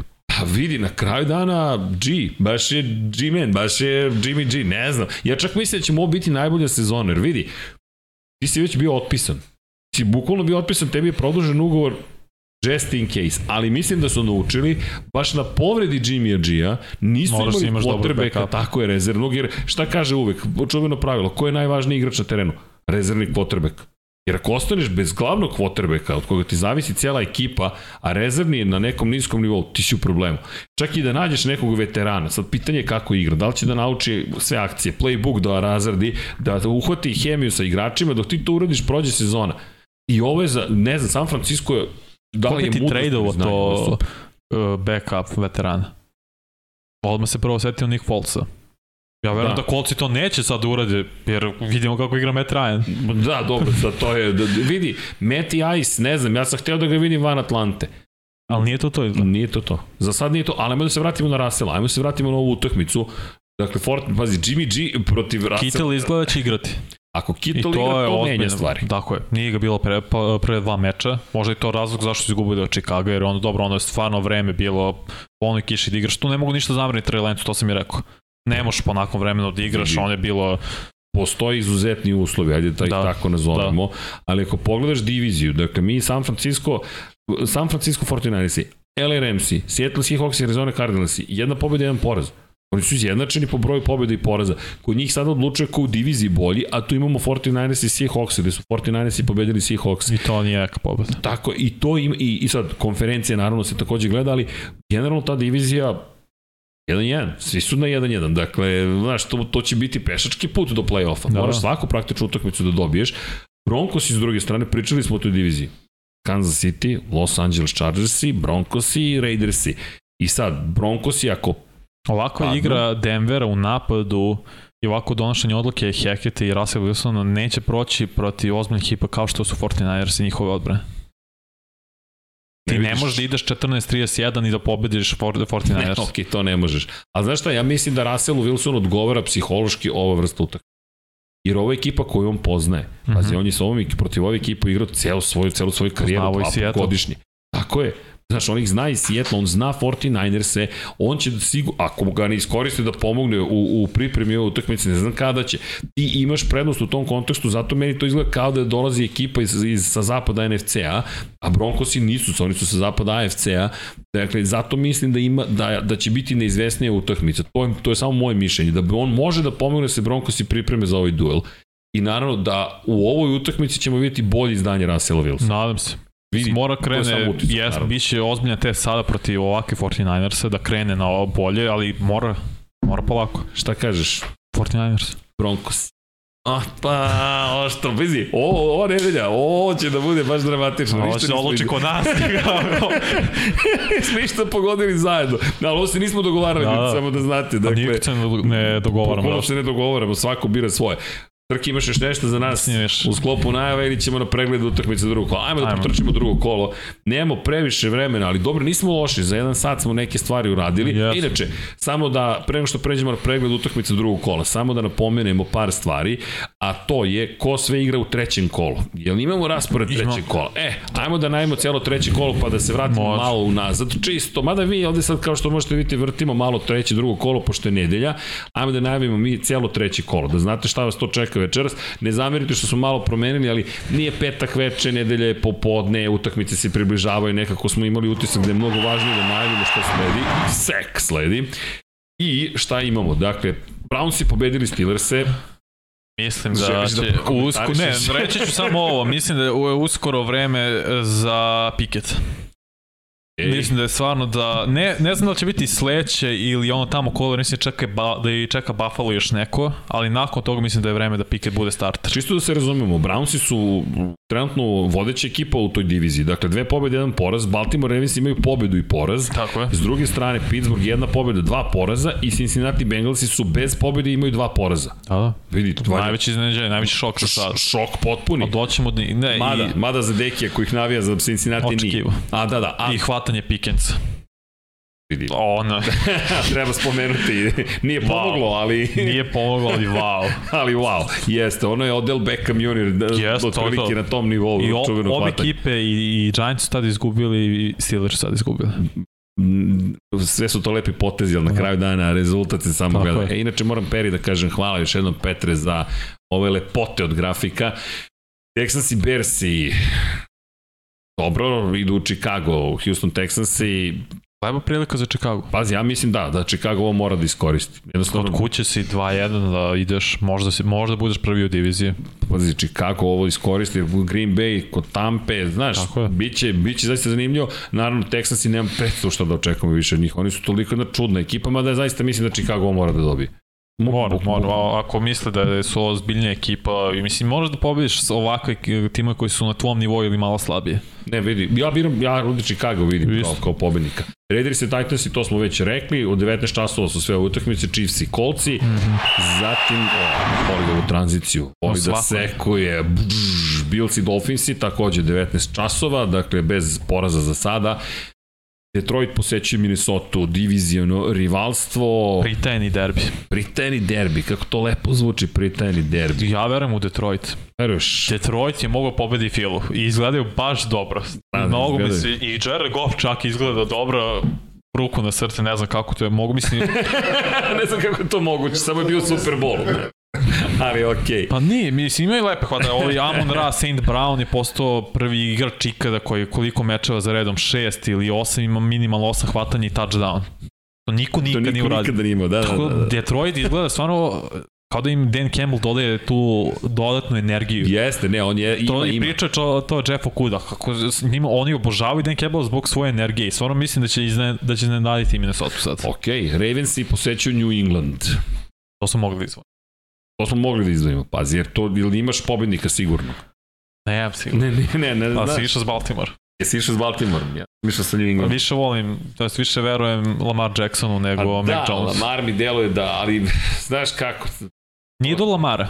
da, nije do Lamara, jednostavno do ekipe, ali, ok, ja mislim da će Patriot ipak ovo nekako dobiti, ne, nemam pojma kako, ali imam taj neki utisak. U svakom slučaju, to je dobra utakmica. Bengals i Jetsi. E, Možete skinete skalp još jednu. Aj, jel, želiš da ga skinemo? Ali čekaj, ajde budi realan sad. Ne, Koliko god da volim Jetse. Ali što da ne, Srki? Ne, Slažem mislim, se birao sam Cincy, ok, sve to stoje, ali kako igra ofenzivna linija Cincinnatija? Da je 13 sekova u prva dva meča si dopustio, to je na pace-u koliko da bude, 113 u sezoni. Nateraćiš me Mislim, da, da, da, da bi za... Jetsi, okej, Vanja. Jetsi. Ne, ali stvarno, i Jets imaju vrlo dobru, mladu i talentovanu odbranu. Imamo, ali malo, malo nam je napad. Ne, o, nema veze, Srki, ali Flako MVP. ofenzivna linija Cincy je ozbiljan problem i Joe Flacco, mi, eh, Joe Flacco, pardon, uh, Joe Barrow, kao da ima ne problem sa donošenjem odluka, nego ne znam zašto toliko čeka. I to i dalje on isti problem prošle godine. Vanja, On čeka previše opet Da u si- nekim momentima. da Nek, si, izvini, ali da li si svestan ludila o kojem mi pričamo. Jetsi ako pobede Bengals. Ali da li ti neko video će Dallas da pobedi? Ne, ovo je trebalo da izvučemo kao bizarnu i potencijalnu utakmicu nedelje. Znaš zašto? Jer Jetsi će onda biti izjednačeni ili sa Billsima ili sa Dolphinsima u diviziji. Tako je. I naravno Ili sa Patriotama koji ovi pobede. Ili sa Patriotama ako oni pobede. Pazi, dakle, to je potpuno bizarno. S druge strane, Bengalsi će biti bez pobede i imaće tri poraza na početku nove sezone. Izgledaju loše. Kao da je super, ono što svi pričaju, uh, Super Bowl, Super Bowl Mamurluk. Mamurluk, ovo nije Mamurluk, ovo kao da su popili sek, veruj mi, dakle... Ja ne znam stvarno, mnogo... Pa Jetsi, yes. jesmo, dobili smo, ali... Yes. Ne, vidi, ja sam ok, Vanja me ubedio, htio sam da idem s Bengalsima, ali nema, sad smo, sad smo... I ovo je dosta i na Zach Tayloru, e, ovo znači kad ima tim očekivanja. Da, Ne, vidi. I to je sad, ti si u većini meča favorit i to je malo sad deže. Da nosiš taj breme. Pazi, činjenica, Cleveland Brownsi su, svi smo bili ubeđeni da utakmica gotova i Nick Chubb je igrao potez koji u nekoj drugoj Ne mogu da krivim Nick Chubb uopšte. Zaista nije čovjek kriv, vidim da su osuli drbi ne kamenje po zašto čoveku. on kriv, a odbrana što je opustila... Šta, Joe Flaka da divlja u, u, Ja uopšte ne mogu u krivim Nick Chubba godinama. koji čovjek igrao fenomenalno. Ne, ne, od Jetsi su odigrali jednu od onih utu. Čekaj, pa nismo, ja mislim da nismo pretvorili koliko dugo nismo onside kick da izvedemo uspešan. Ne, ne sećam Dugo. se, ali, ali okej. Happy time. Jets, Jets, Jets. Happy time, nismo repoli, čekaj, jedan, jedan. JETS, da. Jet, jet, jet. Ajmo dalje. Dakle, to je isto 19 časova. Eagles Commanders. Oh! Ko to dolazi? Jimmy! ko to dolazi Carson Wentzu? Jimmy Sunday dolazi. Da, neverovatno kako čovjek se okrenuo u krug ceo. Bio u Eaglesima, povredio se u Eaglesima, njegova zamena osvojila jedinu titulu za Eaglese, otišao u kolce, vratio se u diviziju istočnu NFC-a, ali sada za mrske Washington Što Commanders. je najgore. Carson Wentz igra baš dobro. Dobro on je, igra. on je prvi quarterback ikada, znači, kad se ta vodi statistika o tome da ima u prva dva meča sa novom ekipom po 300 yardi pasom i po 3 touchdowna, minimalno. Znači Carson Wentz igra zapravo igra, neka... okay, ali vidi, ako ništa drugo igra čovek, vidi, i dalje mi ime bizarno kao da nekako nije za Ali Jalen Hurts igra bolje. Igra bolje. Okay. Fila, to je ono što sam još pričao u aprilu i pre draft, Fila izgleda baš dobro. Izgleda dobro. Či, Baš izgleda dobro i delo. bolje nego što sam ja očekivao. Trenutno posle dva kola, jezda su dva kola, izgleda kao najbolji tim u NFC-u. Pa, najbolji tim u UFC-u, Sabite, Čika Sanda i ovde je izljubio i pozdravio, ali dobro, Pa Jimmy ne, ne znamo tako gde je. izgleda, tako izgleda trenutno. Nisu mi Baxi bili toliko dominantni u svojim pobedama, niti Giantsi koji su dobili isto, koji su isto neporaženi. Fila u Belju izgleda najbolje. Vidi, ja mi, mislim da Fila ovo dobija, zaista Isto. mislim da dobija. Saints i Panthersi, opet jedna divizijona utakmica, južna divizija nacionalne konferencije, kod kuće igra Karolina gubi dva meča za redom na field goal. Ruku na srce, Baker ima najgori QBR od svih quarterbackova. Ne pomaže. Ne pomaže Vanja i Baker i dalje. Branio Ne. sam Bakera, čak ni ja ga odbraniti ne mogu. Ne mogu, mislim, igra loše, ali ne mogu, opet gube na taj način da ono, prvo si gubili 26-24, pa onda 19-16. Znaš, Mara se vraća pri ne, mislim će Saints dobiti ovo, da što je brutalna odbrana Saints, ne Mara da se će... vraća, pritom su pretrpeli poraz protiv Tampe, ne, Da, da. ne smiju da dozvole sebi Nema teorije. Karoline. Da, ali nešto meni ova Karolina, ne znam. Ok, vidjet ćemo. Ja mislim da Panthers je ovo dobio. Koliko god bizarno zvuči. Ali Ko? možda sam u raspoloženju sve kontra ove nedelje. Uh, Jaguars i Jaguars i Chargersi. Glavno Ok, Vanja, pitanje je da li Herbert igra. Ne, neću ni da pričam sa tobom. Dakle, ako izgubite kod kuće od Jaguarsa, slažem se. Herbert, Herbert, sve Herbert ne igra, ok, onda je i, i, to je opravdanje zašto ako izgube. Ako Ma, igra, nema opravdanja. Izgubite ovo. Steve Young je pričao koliko je neprijatno da igrati sa polovnim rebrima. Ne možeš da dišeš. Da, da, to je rekao, drugo, kaže, pa ja da. ne mogu da dižem, mogu lepo da izbacim, uh, ne mogu, mehanika, dodavanje mi Ko je nista. dobio udarac u rebra zna. Dakle, podigneš ruku i ne možeš da, buko ne možeš da udahneš. Jednostavno ti se blok, nervi ti Znači, blokiraju. bude igrao Mozak svaka kaže ne čast. diši. Uzeće painkillere. Ne, ne znam da li si nekad imao tu vrstu povrede. Jednom što kad sam bio u srednju. Užas. Dakle, podigneš ruku i bukvalno kao da će se ugušiti. Jednostavno mozak kaže nemoj da dišeš. To ti je poruka, a onda počinje panika, te hvata jer jednom ne dišeš zaista, jer je bol, nije bol, jednostavno bol blokira mozak, to je to iskontrolisati, ja ne znam, čudesno, zaista čudesno. I onda naravno Rams i Cardinals, okivanja, šta ćemo ovde? A čekujem Ramse lako. Rams, ja isto mislim da bi ovo Ramsi morali da dobiju, Mislim, da ne protiv, da prošle nedelje protiv Atlante pobiše nekako, ne znam, nije moralo onako da bude, stvarno, Da, nije da, moralo da. da izgleda onako tesno, 31-27, ali ako stvarno ta ekipa je jedna od najboljih u konferenciji moraju da pobede Cardinals, koji su oslabljeni. Cardinals su izvukli prošle nedelje, zato samo što su Jeste. Raidersi bili, Raidersi. nažalost. To su bili Raidersi, bukvalno. Okej. Falcons i Seahawksi. Uh, Pazi, Seahawksi, to sam birao Atlanta ovdje, jer kao, nekako, vaj, zašto ne? misliš da je imao taj vibe kao? Uh, Arthur Smith, ja ne znam šta radi sa Picom. Zašto Pic toliko blokira ovdje? Jednom nema potrebu da mu traži ga, treba, treba mu lopta, ne treba da blokira. Možda pokušavaju nešto ovo do, ne znam, nemamo do... Šta? Ali Seahawksi bolje nego što smo mislili, svakako. Kaže, znači Gino Smith je imao najbolji najbolju rečenicu u prvoj nedelji, to je, to je rečenica sezone. They write me off, but I didn't write back. Da, Samo da, je s tim kupio, više Da. ne mora ništa da uradi do kraja godine. Ali pazi, mislim da će biti teško Atlanti kod u, na gostovanje. Znaš, u Atlanti nekako, Seahawksi mislim da su dobili ponovno svoj 12. 12. igrača. Prošao je, prošle su zabrane kada je reč o, o publici da se pojavljaju na, Mhm. na terenu COVID-a. S druge strane, Russell Wilson je otišao, igrali su protiv njega prvu utakmicu, mislim da je to baš izvršilo gal, galvanizaciju. Tako je, hype je taj ured. Hype, znaš, nekako ti to treba da kažeš, ok, otišao si od nas, sad ćeš da vidiš i video je, a s druge strane to što su pobedili, onda kažeš, ček, ok, mi ponovo imamo tim i nekako kao da taj 12. igrač može da pomogne Seahawksima. Ja tipujem na Seahawks, Okay. samo, samo iz tog razloga. Bucks i Packers i to smo pričali, zabava, bukvalno zabava, 49ers i Broncos i ovo je već nedeljna, to ovo je noćna utakmica nedelja na ponedeljak u 2.20 i naravno ponedeljak Monday Night Da. Football Cowboys Giants, pazi, Cowboys stižu u New York, a Giantsi nikad raspoloženiji. Nikad raspoloženiji. Najbolji drug Mimi pozdrav njega rekao je Cooper Rush je novi Nick Foles. Ja sam kao, to, mislim, Jerry je rekao, ne, ja problem da bude quarterback ono, situacija, kao to znači pobeđujemo. Da, ruku, jesu stvarno napad izgledao bolje proti prošle nedelje, Jeste. protiv Cincija, sa Cooper Rushom nego s Dakom. Ali opet, Cooper Rush je backup. Moje mišljenje stvarno ne verujem da će to da se nastavi sada. Još Giantsi, kao što sam rekao, ušli su u neki niz.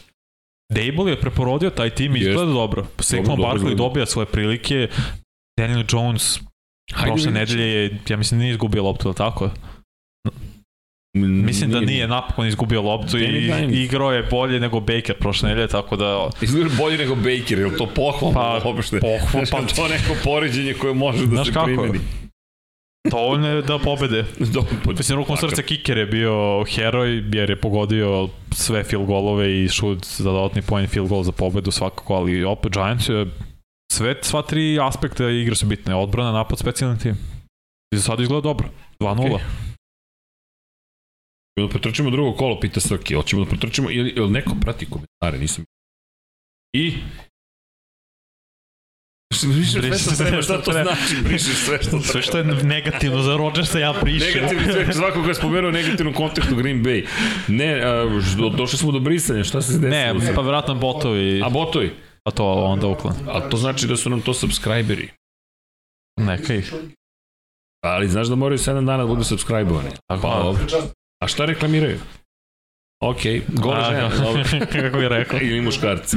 Ali, da se mi vratimo na kolo broj 2. Kratko, bro. Kratko, pa da, da protrčimo. Da ga sekujemo. Chargers Chiefs. Da, to smo prošli prošle nedelje. Pa gre, jedna greška je odlučila. Jedna greška. Chargersi nisu koristili potencijalne greške Mahomes, ovi su koristili jednu Chargersa i to je to. Super meč bio. Do- Dobio je, pa Baš je baš, bio dobar. baš je bio dobar meč. I njih dvojica, to ono što se radujem. Imamo ih dva put godišnje, to je Prelepo. super.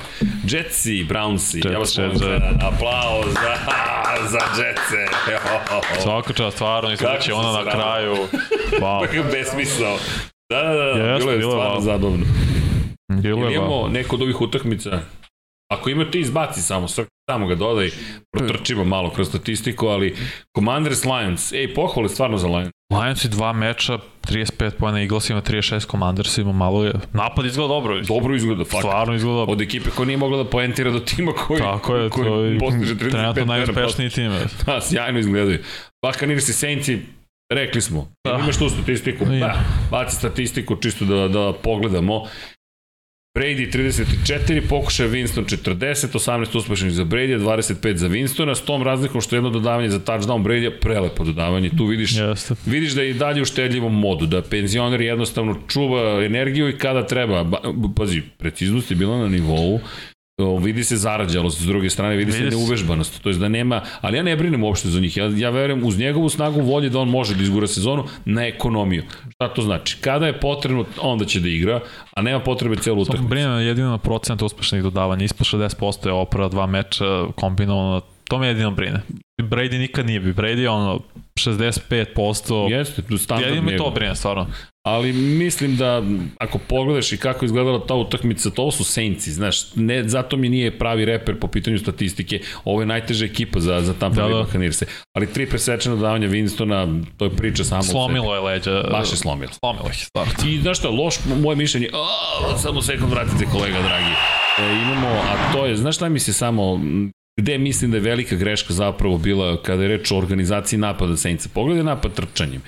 Jednostavno, Ingram na početku je napravio statistiku, nekako mislim da tu nisu lepo, oslonio si se mnogo na Winstona i guraš ga tačno u grešku koju, koju možeš očekivati, ne pokušavaš, iako je odbrana protiv trčanja zaista žestoka tampe, ali moraš tu da nađeš načina da Ovo je funkcionišeš. targete za Chrisa Leva. Pa, Koji imaju i ono ispuštenu loptu ruki, jeste, sve stoji, ali ali samo pet hvatanja, pet hvatanja 13. od 13.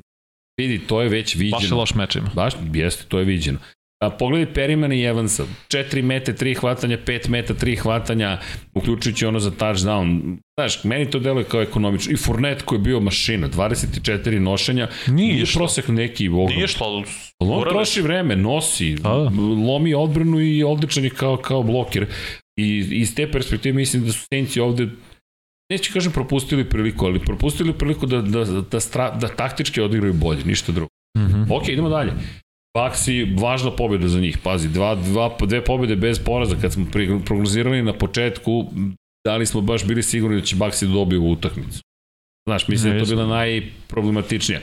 Vidjet ćemo, naravno, ne, ne verujem da će biti opušteni. Panthers i Giantsi, ej, Sve pohvala za Giants stvarno, pogotovo za Dable. Promenio način kako e, pre svega napad igre, ofenzivna linija izgleda dobro, defensivna linija igraće sad i bude ovaj meč. To, to će biti prvi start u NFL karijeri, ali mislim Panthers, to je priča Baker je stvarno izgledao baš loš. 14 od 29 je imao je ok touchdown bez presečenog pasa, ali nije to to. Nije to, nema Baker to. Da li bi Darnold izgledao bolje? dobro, ko ti je najbolji igrač Karoline? Nema. Na spisku ko bi morao da bude? Trebao bi bude McCaffrey. I? Nije.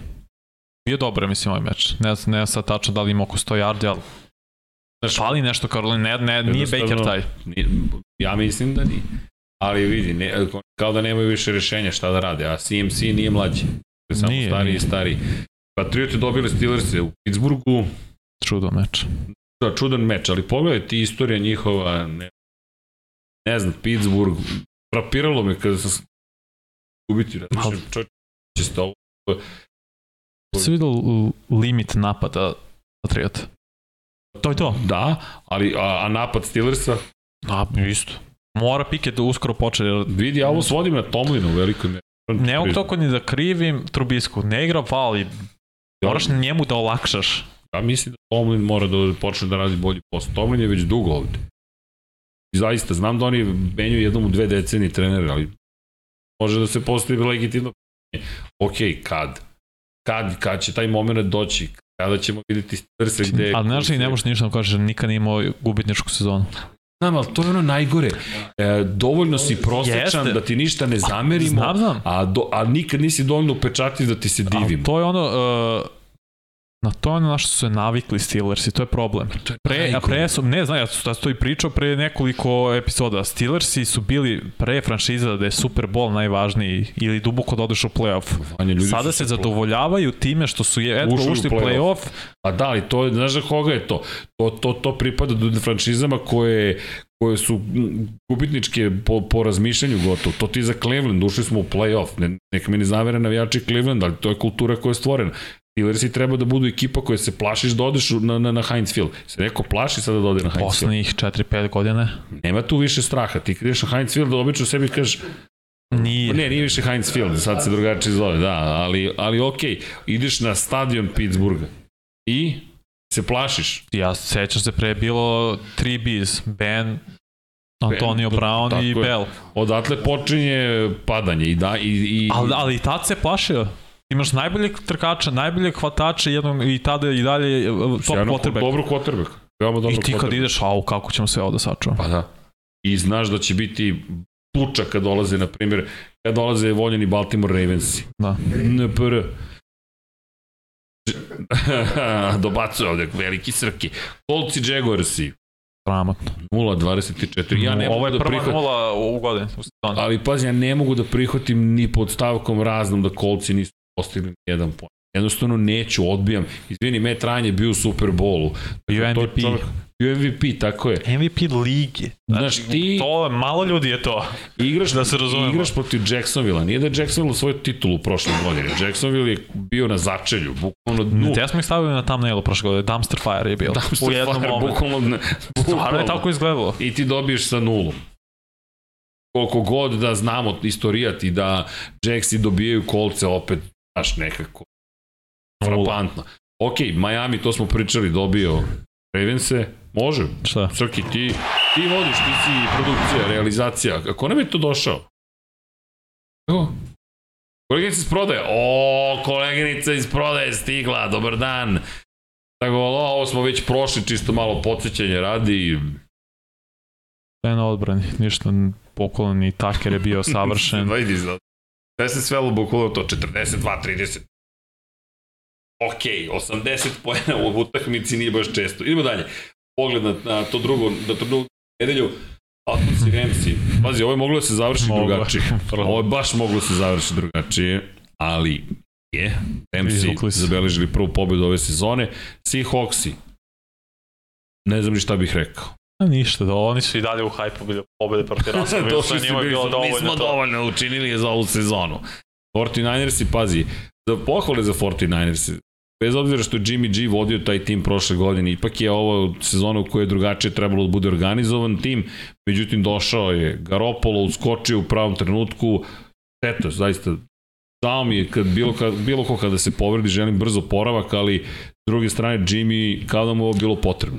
I po meču će sad dobijeti 250.000, a po pobedi još dodatnih 100. Super, pri čemu, ali je startni quarterback, ali pa, ovo je nekako kao da je ovo ona sezona kada se on povredi. I Jimmy lepo rekao, kaže, ljudi, ja znam kako je ovo da se desi. Ja znam kako. I ovo nije prijatno i želimo brzo poravak. Da. I kada se vratimo dve godine nazad, Jimmy je bio u sličnoj, identičnoj situaciji. Da, Jimmy igra sad za ugovor. On nema ugovor sledeću godinu. Ja mislim da igra i za više od toga, pravo da ti kažem. Da, da on igra za neku, da, da vrati renome koju nekada imao. Jer on je trebalo da bude naslednik Toma Brady-a, nije se desilo, a Jimmy i rezultati nisu toliko loši. Problem sa Jimmy je što imaš onaj strah, prodaće nas na kraju utakmice. Doći će taj trenutak, ne Jimmy, Znaš onaj moment, ne, samo nemoj to da uradiš. Ne, Aleš, ne. Ne, a ne, Aleš, ne. I ti uradiš upravo to. Ali dobro. Cowboys i Bengalsi. 17-20 i nije bilo velike magije. I, i u prvom kolu malo nisu Bengals imali pobedu, šut za, dot, za, za, za dotni point. Ih je pod, ne, iz, iz, izgleda loš. Ali ne izgleda dobro, fakat. Stvarno i jedno što je dobro izgledalo, Micah Parsons izgledao fenomenalno, koji ima najviše seku u prvih 16 meča u nečoj karijeri. Baš, je, baš mu je to pozicija edge rush, nemoj da igraš linebacker više. Bukvalno. Samo igraj to. to ti je pozicija. I konekcija Cooper Rush i Noah Brown, A to je zašto su i na prekli skvodu njih dvojica u istom napadu. Vidi, Bengalsi, problem će biti što će kasno da se pokrenu. Ja mislim da će se oni pokrenuti, ali trenutno to, Dek je to lepo rekao, početak sezone biće loš. I dobro je prognozirao. Broncos i Texansi, 9 naspram 16 za Broncos, jel te Broncos dobili kod kući, važno je bilo da dobiju. Tako je. To je najvažnije bilo u celoj priči. Imaš nešto Imamo, o, Cardinals i Raidersi. Kakav meč. preokret, blago rečeno. Raidersi dobijenu utakmicu, ono gub, od kuće. Da, da. Šokantno. Persi dalje vlasnik mi je 100% Aaron Rodgers. pobjeda.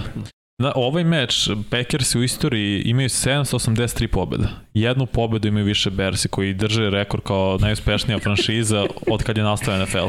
Znači jedna pobeda i sad... Jedna pobeda, okej. Okay ali je Aaron Rodgers koji dalje vlasnik. I still own you. He does. I, i, i dalje, bukvalno. Titans Bills 7.41. Ah, Vidi, ni, ni u kom univerzumu ti ne, ne možeš da budeš jaka ekipa i dozvoriš 7 Buffalo, A prošle godine si pobedio. Bukval, i, i, I bilo je, znaš, uvek se pitaš tvrda će biti utakmica, ovo nije bilo tvrda. Ne, baš je bilo pokazivanje sile. Pa kao protiv New Englanda prošle godine. Da. Tako mi izgledalo. Kao da su, sile. Čekaj da se osvetimo i ovima. Ne znam zašto se Titansima svete, ali tako izgledalo. Kao da je lično. Pa dobro, zato što kaže, prošle godine si gubio što se Josh Allen kliznuo. Dobili tu bili Bilsi prvi u AFC-u. A i to što kažeš, možda je to bilo... E, bilo bi drugačije. Tako je, ali mislim da Bilsi da su, da su, da su, da su rešili da dobiju svaku utakmicu. Ok, Vikings i Kapetan Kirk. Ne može Crk, znaš koliko kazica ima u karijeri? Ja. 60 pobjeda, 60 poraza, dve nerešene. Da, on je taj, 1-1. To da, je. Da, to je, da, da. Nema šta. To, to, to, to. U Monday Nightu je 2-11. Strašno, 46 pokuš. Znaš, ali pogledaj trčanje. Ko je trčanje? Ko je? Znaš, Kazans ti je najbolji trkač. 20 yardi. Ne znam, a imaš Tilena i Jeffersona. I, i ne znam, nije, nije, ne, ne, zašto ne sam Darius šokiran. Slay je izgledao sam brutalno. na sebe što sam, što sam uopšte pomislio da će biti drugačije. Darius Slay je zatvorio Justin Jefferson. Jest. Imao je više uhoćenih loptit kaznica nego Jefferson kad ga čuvao. Pa da, dve presečene imao Slay i jedno hvatanje imao Justin Jefferson. A, a pogledaj Goddard, Smith preko 80 yardi. Da, ali... AJ Brown koji je prvo kolo izdominirao, nije bilo potrebe da se to ponove. Izvini, pazi, hvalimo, hvalimo Josh Allen, ajde hvalimo Hrca. Ajde hvalimo Hrca, ok, ima presečan davanje, ali izvini, 57 yardi, nosio loptu, dva istočana touchdowna, čovjek je odradio odličan posao. Ono što me Vrlo više brine... precizan, 25 do 31. Ono što mene brine jesu, jesu drugo polu vreme. Znaš, stali. Stali. Bukvalno sad, svi su stali. Ne možeš da staneš u drugom polu vremenu. Znaš, pri čemu Makar neke pojene. Minnesota nije, ne znam sad, spektakularnu neku predstavu pokazala. Zato Eaglesi još uvek nisam siguran da je, da je to ta ekipa. Da, da kažemo da su, za mene još uvek nisu najbolji. Imaju još da se dokazuju. I naravno reputacija od prošle godine. Dobro, to je bio pregled drugog kola. I kad nismo bili brži, a opet smo spori. Za, ko, za čije standarde? Da, za čije standarde, nemam pojma. E. Ali, hoćemo da bacimo pogled na heroje, tragičare, džokere. Imamo, sve smo mi pripremili, samo što dok se sve završi što smo planirali. Ok, heroji nedelje. Jimmy, Darius Slay. Ovo što sam rekao. Mislim da si upravo jasnije. Baš je zaključao Justin Jefferson. Tačka. Bukvalno, to je dovoljno. Dve presečene lopte si imao. Tako je. I? Graham Gano. Zašto? Kicker Giants od, ne, zašto? od 19 poena 13 i on zasluža. 4-4 za 3 dodatni ekstra poena. Misliš da je to bilo to što je presudio? Ok. Pričamo specijalni tim stalno, eto malo i pohvale za njih. A vidi Miksu, Tua, Hill i Vedl. Pa moraš da bereš jednog čoveka. Šalu na stranu, ali to je kao jedan čovek. Tako su izgledali. Baš su izgledali. Baš su Rekli izgledali. smo i Super pre, skoro 460 yardi Tua, ova dvojica zajedno 360, 4 touchdown hvata. Fenomenalan napad. Bolesno dobro. Mary Jacksonville, jednostavno mislim da je herojski kada ostaviš ekipu Istina. bez jednog jedinog pojena. Istina, bukvalno. I ovo nije kao prošle godine gde smo se svi smejali u najavi ha, ha, ha, Jacksonville protiv kolca, ha, ha, ha bum, ha, ha, ha, nema play-offa za Indianapolis. Da, ha, ha, ha. ha, nema Bilo je upravo tako. A sada sa nulom ih ostavljaš. Meni je to zaista herojski. Jer od jedne ekipe koju svi pocenjujemo do toga da ti zaustaviš tim koji bi dalje trebalo da bude više nego dobar. Trevor Lawrence izgleda stvarno mnogo bolji. Ono što je razlika, pričali su neki i treneri da na Clemsonu napad je bio mnogo pojednostavljen iz nekog razloga sa njemu treba vremena da, da uhvati što s kompleksnost, da. kompleksnosti NFL-a. I što ne verujem da hoće, jer izgleda ovaj dva meča korak po sasvim korak, dobro. Korak po korak i ekipa deluje mnogo bolje. Joker nedelje, Jimmy... Amon Ra Saint Brown. Vidi, korijski Krenuo se nevjerojatno. Niko nije očekivao od ovog hvatača, stvarno, i od hvatača da Detroita. fantasy. Stvarno? Da, da. Svaka čast. Ne, ja sam, Srke vidio. Na njega sam tip, ne, bukvalno sam bio ubeđen da će nastaviti gde je prošle godine, jer on je krenuo prošle godine, ako pogledaš prošle godine ti njega da, da. vidiš i bio sam fazonu ok, a i drugo živili Iron Maiden.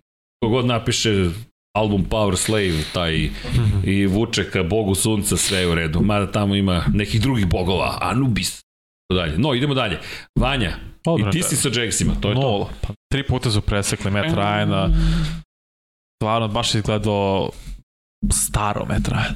Znaš kad, kad, se vidiš, uspori. Da. kad se uspori. E to onaj je father time, to treba da pogodi Brady, a ne Meta Ryan. Da. Ali Ko to, kao, to je to. Jimmy u Fioci nije se desilo. Ko ima vi... da bacuju ovde iz publike. Miksa, kako mi je uzeo flaka, kako mi je uzeo flaka, ali Joker, flako, dobra mu je fora. Jeste, dobro. ja sam rekao, ej vidi, prvo je bio vaš, tako da sve u redu, MVP Superbola za Baltimore Ravense i baš je bio, baš je bio Joker, ne očekuješ ga, izvučeš ga negdje iz špila i kažeš čekaj, evo vam flaku, pap, i preokret. A ja sam morao da ubacim Jetsi, nisam ih stavio kao heroja, ali zato što niko od njih nije ovo očekivao, nego su džokeri. Moj džoker je ovo je bilo lično, jer sam jedini birao Jetse i ubeležio Jetse. pobedu. Treba uvijek da biraš svoj tim. Ja uvijek biram Chargers. Pa znam, ali vidi, moj tim da si garantuje da ću propasti u prognozama, moram da ti priznam da je to onako napeto.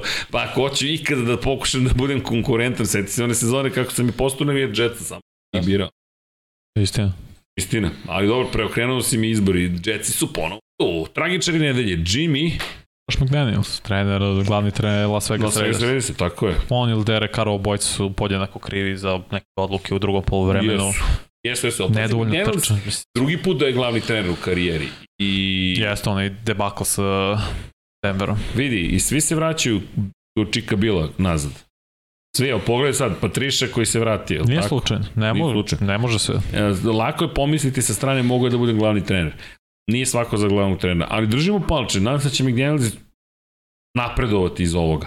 Jer ono što, što je problem sa kod McDanielsa, moje mišljenje, kada je reč o tome kako će ga publika prihvatiti izvršiti pritisak na, na celu franšizu, jeste on je baš uzbudljiv. Da. Znaš, kada McDaniels smisli neke akcije, to je super.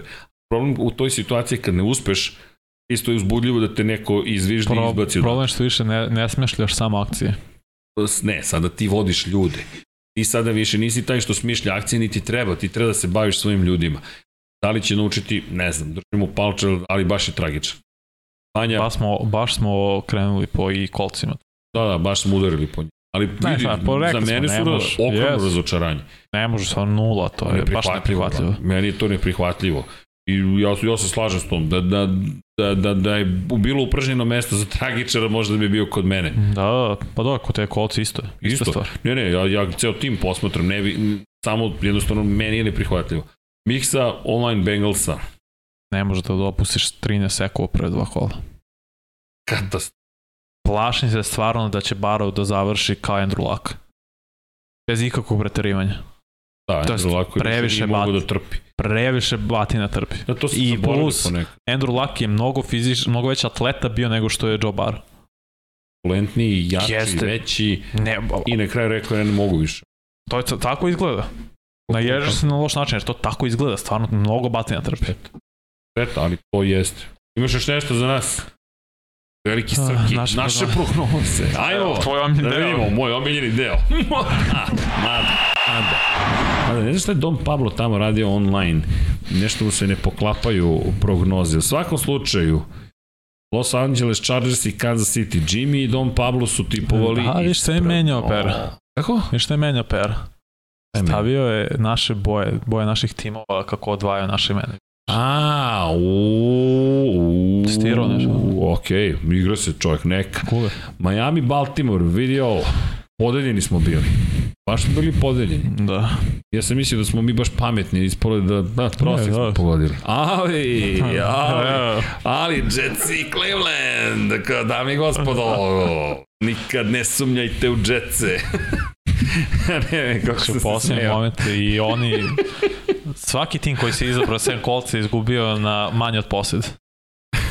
Nevjerovatno, sam kolci ono grozot. Grozota, da. Chargers je dobro, to je moglo da se Da, da. završi kako god. Ja, pazi Washington Detroit. Verovali smo u Detroit.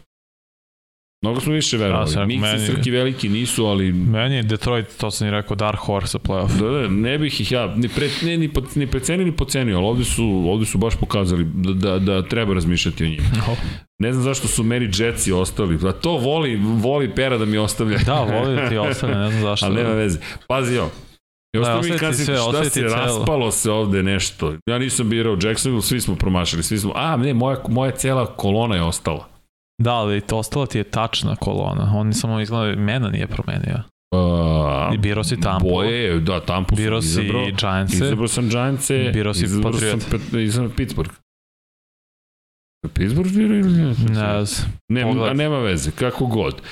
Ali Jimmy baš bio dobar. Tampa, Giants, New England, Indianapolis. Ja biro Kansas City. Jacksonville su šta? Ma ne, ne, greška. Okay. Da, to je, da, da, to je... Ne, biro si Colts sigurno, te ovo zbunjuje. Mislim da je samo imena timova. A pogledaj, svi smo verovali u Tampa Bay. Srki veliki, jedini nije verovao u Tampa. Da. Dobro, Mik se verovao u Karolinu. Dobro. Dobro. Da, to je ovo ne, ovo baš ma grozno. Baš ma grozna nedelja. U New England, Pittsburgh, samo je Jimmy verovao u New England. Bravo, Jimmy. Bravo. Bravo. Vidimo ovde. Ramsey. A, ovde si dobro. Dobro. San Francisco smo svi birali, Jimmy-a. Cincinnati svi osim Dom Pablo. Bravo, Dom Pablo. Denver, ovde se zelenimo poprilično. Nema ni nekog šareniša da smo imali neke, ne, pa neke prognoze drugačije. Ajmo dalje.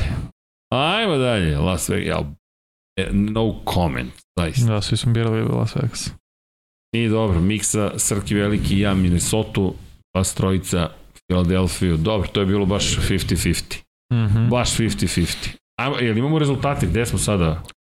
Ne, ne, ne, ajmo, re, ne, ajmo još, a ne, ne, ajmo po, ajmo, ne, pre, rezultate. Ajmo dalje, rezultate, Srki, da vidimo kako nam je tabela, čovjek. da ispuštujemo situaciju Dom Pablo, pazi Dom Pablo, 62-50, jedini preko 60, bravo Dom Pablo, bravo, se da će doći u posjetu malo da, da ga prozivamo, ali 20-12, bravo. Vanja, Jimmy Srki, 19-13. To smo, to smo. To smo. Jao. Jao. Ali ovo, ovo nije se računalo od četvrtka na petak. Da znaš. Nije. Da li nije? U, pa tu sam već iz... Yes. Wow. To si već... What? What? What? Već sam tu, čoveče, sa Dom Pablom izjednačen. Ali dobro, ajmo da vidimo dalje. Da vidimo lude prognoze za ovu nedelju. Samo dakle, si pogodi. da, reci, a? ne, ne, ne, ne, vidi, Cleveland, Clevelandica, ali prebacio sam na New York Jetse, da, moj brat Srki i ja idemo na Jetse, dobro. Ja biram Miami, svi ste izabrali Buffalo, Kansas City svi biramo osim tebe, Vanja. Ok, Lone idemo, Wolfing. Idemo, idemo. Lone Wolfing ima Vanja. Imamo Meti Ice, jedna. Jedna, za Meti. Ajde da vidimo, bilo bi lepo. Svakako. Philadelphia, Washington. Dom Pablo veruje u Washington, dobro. Da je osvetu venca. Da, da, da, pazi Minnesota, Detroit. Mnogo nas veruje u Minnesota. Da, vidjet ćemo. Srki veliki i ti baš verujete u Detroit. Lepo. Tennessee, mada vidi. Jednočan, Raiders, Jimmy, Mixa, Srki veliki. Če Tom Pablo i Tennessee. To je zanimljivo. Odosta od svojih. Bilo mu dosta nakon ovog vremena. Sra, da, da, iz, da ovo bes sada govori. Ali, dobro, svi birate Baltimore, osim Dom Pablo i mene, mi idemo na nju. Je u nju. Mada to ne znači nekada značilo. Ja ću ostati kao ovaj usamljeni ranger na Karolini, besmisleno, nema veze. Chicago, Houston, podeljeni smo. Da, to me bao iznenađuje što više nije za Chicago. Od Chargersa niko ne veruje. To baš zato što smo birali, ne znamo da će igrati Her. Da, dobro, ali najbolja procena koju, mogli, koju smo mogli da damo u tom trenutku. Seattle, biramo Don Pablo i ja. Alo, pa gde je Don Pablo, zovite ga da mi dođe ovde. Koga, koga kopira? Koga kopira, tako je. Pogledaj, Dallas isto. Alo, ja biram Dallas. Dobro, razgovarat ćemo. Tampa Bay, Green Bay, baš je podela. Jimmy Vanja i Srki Veliki, miksa, miksa Don Pablo i ja Tampu biramo. Arizona, Don Pablo opet mi birao ove pikove, kontra pikove. Stvarno ne znam. Stvarno, morat ćemo da ga zovemo. San Francisco, Denver. Denver. Sve ste isto izabrali. A, ovo nije. A, uopšte nije u redu, ali ajde sad, vidjet ćemo. Vidjet ćemo na šta će sve to doliči. Pazi, ovo će biti dramatično kolo. Ko je prvi uneo u tabelu? Nešto, ući ćemo u history pa ćemo vidimo. Pa ćemo da vidimo. Može, može, u spread, Google spreadsheet, tačno vidiš, može da vratiš. Eto. History, tačno može da... Da, da, porazgovarat ćemo s Dom Pavlom. Proveri, evo kaži e, ti da Danas smo je leg day, jel tako? Da se ti smeješ, ti nemaš leg day. Srki nema leg day. ja, ja. Ali imaš abdomen day, a? Vanja jedini ovde vežba, ostalo sve lenjost. A ne, Miksa vežba isto. Dobro, da, Miksa, dobro, Miksa se podrazumeva, Jimmy on su. Ti pet puta nedeljno? O, samo ja ne znam. Damn. Damn. E, da, pro, uh, TV, TV raspored, ili imamo? A, mislim, to nemamo. Da to... Nemamo. Ljudi, ne zamerite, sad ćemo da potražimo. Možete makar da čujete od nas. Kom kanal ti radiš? Na kom? Nemam Na pojma. trojci, Ja mislim da sam na trojci, ali morate priznati da ne znam. Ja to nikad ne znam na pamet. Ja znam Da samo na u kojoj sam kabini, a gde se emituje, to redko kad znam. Da, bukvalno, pa dobro, to ti kad to radiš, pa onda to malo drugačije gledaš, ali ne znam, čekaj da vidim. Svako ćemo se slušati evo, za Evo ovako, sat i po. Sport klub dvojka, Miami Buffalo, 19.00. Fenomenalno. Ja bih to gledao, ja ću to da gledam da komentarišem uživaš. da dokomentarišem ovo. Tampa Bay Green Bay, Sport klub 2, 22-25. Po. Da vidimo Sport klub Trojka šta kaže, tu je basket, mada, tu je, man, tu je Sunday Night Football, Denver, San Francisco od 2 časa i 20 minuta. Da vidimo na kecu, na kecu je košarka, zatim Sport klub 4, To je Sport klub HD. Na Sport klubu HD Indianapolis protiv Kansas City-a, pa NFL Extra, pa 22-25 Arizona LA Rams, 15.00 Indianapolis, dakle kreće. Na Sport klub Golfu imate šalice. na Sport klub Fightu, na Sport klub e-sportcu, ali na Sport klub Petici, pa nema, to je to, to su te utakmice. Mislim Da, da, za, nema. rekao si Arizona Rams. i- Jesam, jesam. Da. To je to i naravno ponedeljak na utorak Samo da vidim, mislim da je Sport klub dvojka, ali nemojte me držati tako je. Za reč, Giants i Dallas. Od... Vrlo efikasno. U sati 42 minuta. Vrlo, vrlo, za malo 99 minuta. To se desiti neće. To nam je bio, to, to je za sve koji ne znaju, to nam je bio san kao 99 minuta trajimo. Vi dobijete brze, efikasne informacije. To može kad bi radili više puta Da se nedelja, pa bi bilo... iza toga da. trajimo skoro Da, dva da, pa sata. to. Bilo pa pa pa pa pa pa pa Da, da, Vanja da sedi sam i da se ispriča ko čovek, lepo. Ali dobro, ok, imamo par, još desetak minuta pa krećemo u akciju, tu su neki od nas moraju na, na posao. Moramo. Da, pitanje i odgovore. Naravno, ćemo da pitanje i odgovore, pa da ispoštujemo publiku koja je sa nama. Pozdrav svima, udrite like. Imate pozdrav Jimmy i Mikse. Reći li trebalo bi svi da budemo na okupu u petak u 21. A ne zamerite, zaista ljudi ima nas od četvora otprilike. 21.09 uvek. 21.09, da, da, da, da, sve sa kašnjenjima. Da, ali eto, 96. izdanje. 99. smo već imali. Tako je. Tako Ono, putujemo u, u budućnosti Putujemo i u prošlost ja i u prošlost, da. E, Artemis je utorak, je tako? Ako ne bude pomeranje. Čekajte da vidimo gde smo, šta Kad smo. utorak? Uh, Joe je kriv za bar, uh, čekaj, uh, kad utorak? Ne znam tako. Ne brini, ako bude u periodu kad moramo da selimo studio, radit ćemo Artemis iz galerije. Može tako. Ok, nije ima neko neko pitanjce pre nego što krenemo, mada ovde se vodi diskusija koliko ja vidim. Super, to mi sviđa. To, to je uvek lepo. Udrite like, ljudi. Pomozite na taj način. Pošaljite 200, 500 na 9656 ili 3030 ili bilo šta, uradite nešto pozitivno dobro. Idite na 99yardi.com i bacite svoj izbor za ovu nedelju. Tako je, takmičite se. Takmičite se, vežbajte za sledeću godinu već je treće kolo, pa ima već dosta završenih utakmica, ali da kažemo da ponovimo još jednom ko je trenutno vodeći dok čekamo mm. -hmm. pitanjca. Leaderboard popularni, što bi se reklo, da vidimo. Dakle, na poziciji 1 Metal Crumb. Da li je Metal Crumb sa nama u četu? Neka se javi Metal Crumb. E, Đole, Đole Đ, šta se desilo sa sekundarim Ravensa, trebali su možda biti bolji i... Trebalo da bude jedan najbolji sekundar, ja. I Pa da, Peters, i Humphrey, i Hamilton, i Marcus Williams, potpisan safety iz New Orleansa. Ne znam kako, zašto se raspali onako. Neopisivo mi kako dopustiš Hila da dva puta bude iza cele odbrane. Da, ali je li to do Hila ili do njih? Kombinacija. Znaš, jer Hill je zaista neverovatno brzo. Pa da, ali igrao si protiv njega, nije sad da to vidiš prvi put. Ok, Hamilton to vidi možda prvi put, zašto je ruki. Ali Ali opet, koje su opravdanje za ostalo u da, trojicu? previše, šest. daš dao Vanja. Ne, ja nemam neko racionalno Ne, ne, ne, problem meni, je što je sve u četvrtoj, to je većina palo u poslednjoj četvrtini. Kao da su se potpuno izgubili. Meni je, ono što meni nedostalo je kapiten odbrane koji će da im kaže stani. Ej, kao da je odjednom raspad sistema, jer lopte su pre, pre ali pre, pritom, ajmo ovako, Tua, nekoliko bacanja je bilo... Ima da je presečena lopta. Jeste, ali vanje bilo je par dodavanja koje su bile Bilo toliko wow. precizna jeste, da kažeš, wow. wow, ovo je čovek, ovo, ovo se redko viđe. Ne, jeste, bilo je wow, ali taj raspad u poslednjoj četvrtini nešto ne objašnjaju. Ti si igrao super do četvrte i odbrane isto. Ej, slušaj ovo, uh, ovo je pitanje za koleginicu iz prodaje. Koleginici iz prodaje kaže kada će biti majice prošlo leto ljudi? Kada će biti majice?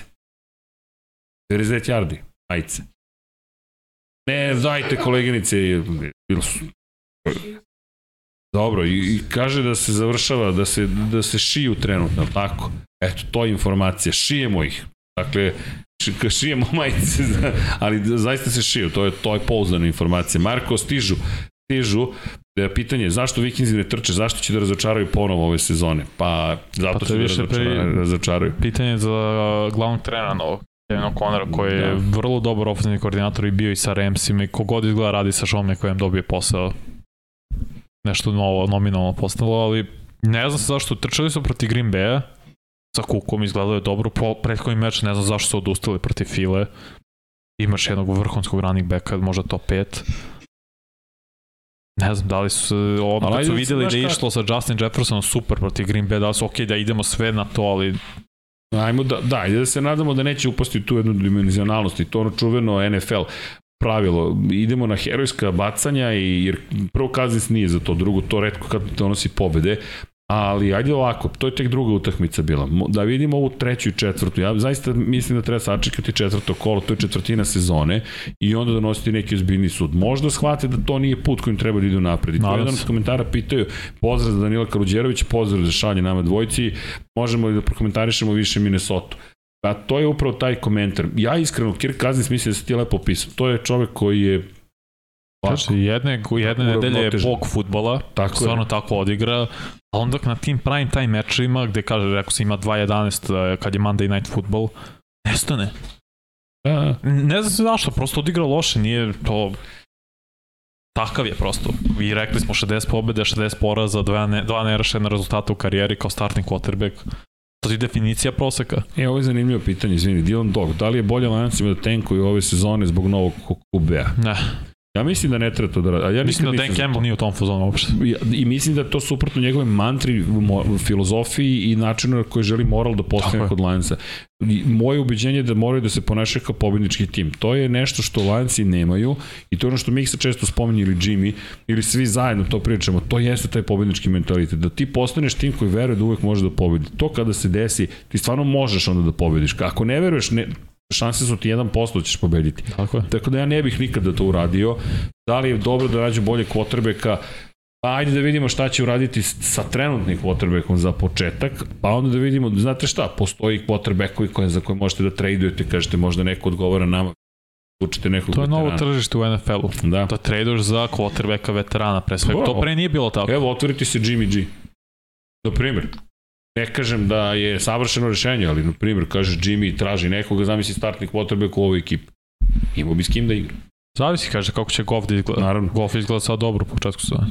da, kaže, moraju da, da se tako ponašaju, pošto to nikad nisu bili, ali bukvalno ste u pravu. Iako imate smajli, ali bukvalno moraju da nauče kako se pobeđuje. I onda Dan Campbell mora to da ih nauči, jer lako je gubiti utakmicu. To onda postane stvar navike. Ovo, navići se na nešto drugo, je, je baš teško. Imamo pozdrav od Vladila Dejva, inače, kad će Duksevi Stefan pita, to je sledeće na programu, zaista ovog čak puta nije ni šala nikakva, nije ni prošli put bila šala, ali stvarno nismo uspeli, izabrali smo i Dezen, izabrali sve, pa eto. Ići će, ja se nadam, vrlo brzo, pošto fakat stiže jesen. E, da, Vienna Vikings osvojili Elf, kaže Dave. Dakle, sledeći put ćemo da ostavimo komentar mnogo veći za Jimmy i za Miksu. Ja moram pristiti da ne stižem da pratim sve. Dakle, Aleksandar je bio gost, tako. Da. I jeste, neko nam je uleteo u studio i lupio vratima. Znam tačno ko, i ko je uleteo i lupio vratima. Product placement je uleteo. Samo Čujemo, polako. Ko nam je, ko nam je A, uleteo za, u studio? na, zamolio sam da samo uđe polako. Da uđe polako, znaš, da, da, ne, le, a, okej, dođite, dođite, ovo je PR, da, da stiže... To on suprotno napišali ispod razbi vrata. E, To, ra- dakle, zahtev je nama bio, pošto imamo gošću, budi tiha kad ulaziš. Ok, bit ću. Bum. Hoćeš prebaciš na mene, mada evo, može, može. Šta stiže? Evo vidi, stačno kroz kadar, vidi, to je to iskustvo. Kao, znaš, kao, nemoj tu da... Tenene, tenene, tenene, tenene, bum. Ne, stigla si u stilu. Dakle, Sara nam je stigla iz dogme i stigla je u stilu seko. Pa da. Ovo ti je idealno pred mene. Budemo pred meč. Pazi, ovo smemo ovako malo da cugnem i to ti je to. Ali fantastično. Dakle, udrite like za sek. Ko nije probao Triple IPA 9,9% alkohola, nemojte da pijete da vozite nikada, popite trećinu limenke i bit će vam dovoljno za večer otprilike, ali ih kupite mnogo, jer time podržavate što ekipu Kupite sad 99. uz mečeve da uživate. Da, Vanja, ali treba doživeti i treći meč, znaš, ako se sekuješ na prvom. Ovo otvarate na drugom. Ovo vam je za polu vreme Tampa Bay Green Bay. Pa da, ok. A, jel to Da, jedite, samo jedite između. Ne, kalorijski? ali da... Evo ovako, pošto, tamo, po- pošto nas fotografišu, zato kao nije namešteno Da, uopšte. da, ne. Kao, uopšte nije namešteno. Kao, a, A dobro, može ali vidi, uživo, bar, mi, mi bar ne radimo prevare nikakve. Dakle, ovo što vidite, to je to što ćete dobiti. Izvinite, ali upadoše nam. To je dogma, kad stigne, to se kuća se ruši. Tako je. Tako je, pa nema u NFL-u mekano, samo snažno. Dakle, e, nema utakmica subota na nedelju. Ivan kaže, ne, nema, subotnje utakmice. A, biće, čini mi se, za Božić, Za- je. 25. decembra Tako je. ove sezone, tri meča. Sad ne znam da će biti subota na nedelju po našem ili će biti sve u danu, ali trebalo bi da, da i u NFL, to sam pričali, će što više uvoditi da se igra subotno, da bi pokrili što više dana u nedelji. Ne mogu nikako da nahvatam lajkove. Pitaju gde su Mix i Jimmy, Amrot. Na i svadbama. Baltimore. Jedan je negde, ne- negde u skitnji stiže za utakmice, a Jimmy, svideli mu se svadbe, venčao se čovjek, pa sad išao on u goste. Pa da. Možda to mora da uzvrati. Ko je došao kod tebe, moraš O, ti pa kod da, njega. Neće ga dugo biti, po toj logici. O, ne, Mora to sve da četiri popuni. godine dok popuni, ali da, nisu to biće, nemojte da brinete. E, Tako je. Da, inače, par stvari. Da, Pitanje ovo je bolje za tebe. Ja mislim, pozdrav za ekipu Lazar Nadalić. Slažete li se da je bolje Herbert odmoriti ovu utakmicu nego rizikovati da se pogorša povreda? Ukra I ukratko, Cole Beasley u Baksima vaš komentar. Colby je super. Ako ima, to je super. Pun pogoda, kao za Herberta. Jeste bolje da odmore. Ja Da mislim su da, dobili Chiefs, mislim da bi odmorio, iskreno. Ali ovako, jer je takva divizija, takav AFC, ti moraš da juriš svaku pobedu i Jackson je pozbiljna ekipa nego što je bilo prošle godine, iz- izgledaju bolje, igraju bolje. Nećeš ti dobiti sigurno bez Herbert. Veće šanse da ćeš izgubiti bez njega ovako, ja bi neki igra. Ako on, ako on spreman, ako on kaže da želi da igra, nema nikakav problem. Dobro, to mora da bude ozbiljno procena.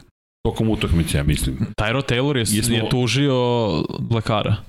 Chargersa od pre dve godine što je napravio onaj problem sa iglom i plućima. A taj isti tretira Herbert. Ok, jesi srećan? Ne. Apsolutno nisam. Ja mu verujem da čovjek i dalje da, da. pa radi tu za Chargers. E da, ukratko, Cole Beasley u Baksima, on je prebačen je na aktivni roster, dakle on je aktivan i treba, očekujemo ga u utakmici, Ted Bolus je rekao da on smatra da je spreman da igra. Da, mora da igra. Nema, ko, Vidi. ne, nemaju tela na poziciji hvatača od povrede Ne i suspenzije. Ajmo tip igrača koji je stigao Tomu Brady. To je kao da si ga iz Edelman. kalupa Edelmana, Da, da.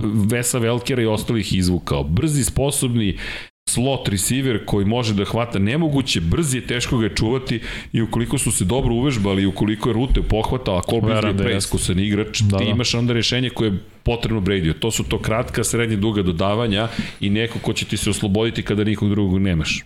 Ja mislim da to... Očigledno Scotty Miller više ne dobija te prilike. Tako je.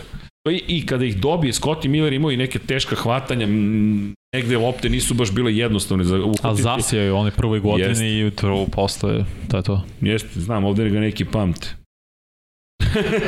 pamti Vrlo dobro ga pamte. Srki ga vrlo dobro pamti. Ustaje i pomera se sa stolice. Ali ja mislim da to za, za Brady je savršen hvatač Mhm. zapravo. E, Kaže kako Nenad Gašić, kako zaustaviti Buffalo ove godine? Da li se vama čini da Mac Jones deluje nekako nestabilnije ove godine? Delo je stabilno zato što nema ofenzivnog koordinatora, eto prvo da krenemo odatle, istina. Josh McDaniels u Raidersima niti Joe Judge, niti Matt Patricia nisu ofenzivni koordinatori, igraju samo tu rolu, a Billsi samo sami sebe mogu zaustave. Čekaj da prođe 18H, onda smem. Aha. Da. Sada ovako. Sakriveni sek. Uh, Jason Pierre-Paul u Baltimoru. Super. Samir Rastom kaže. O vidi, JPP... Nakon one performansa. pa vidi, JPP je... Sve ima svoj uzrok. Pa da, ali ajmo ovako, ajmo krenemo od, od, od njega kao igrača. JPP još u Giantsima je bio više nego moćan. Povreda bizarna, ta povreda dovela do toga da mora da promeni, prilagodi svoj stil igre, ali pogledaj, bez njega da li bi Baxi bili šampioni? Teško. To. Teško. Znaš, ja mislim da to ono što je... Po... Ključan deo te defensivne linije. Bio. I ono što je, što je dobro kod, i dobro i loše kod njega. On je agresivan, glasan, moćan, bučan, kako god. Ajde, vidit ćemo kako će se uklopiti. Meni to deluje kao, do, kao dobra stvar. Koju utakmicu radim? Radim kolce i Kansas City Chiefs-e gde su Jimmy Mixa, to smo, kaže, Goff će koštati 25 plus po sezoni, ako bude ok, Ruki će koštati 30 plus za 4 sezone, Dylan Dog. 25 miliona po sezoni je quarterbacka. Za quarterbacka je bagatela, dakle, da. našli ste ga da. bukvalno na... Prelepa cena, znači, prelepa, prelepa, pošto sad koštaju 50. Sada su po 50. Da.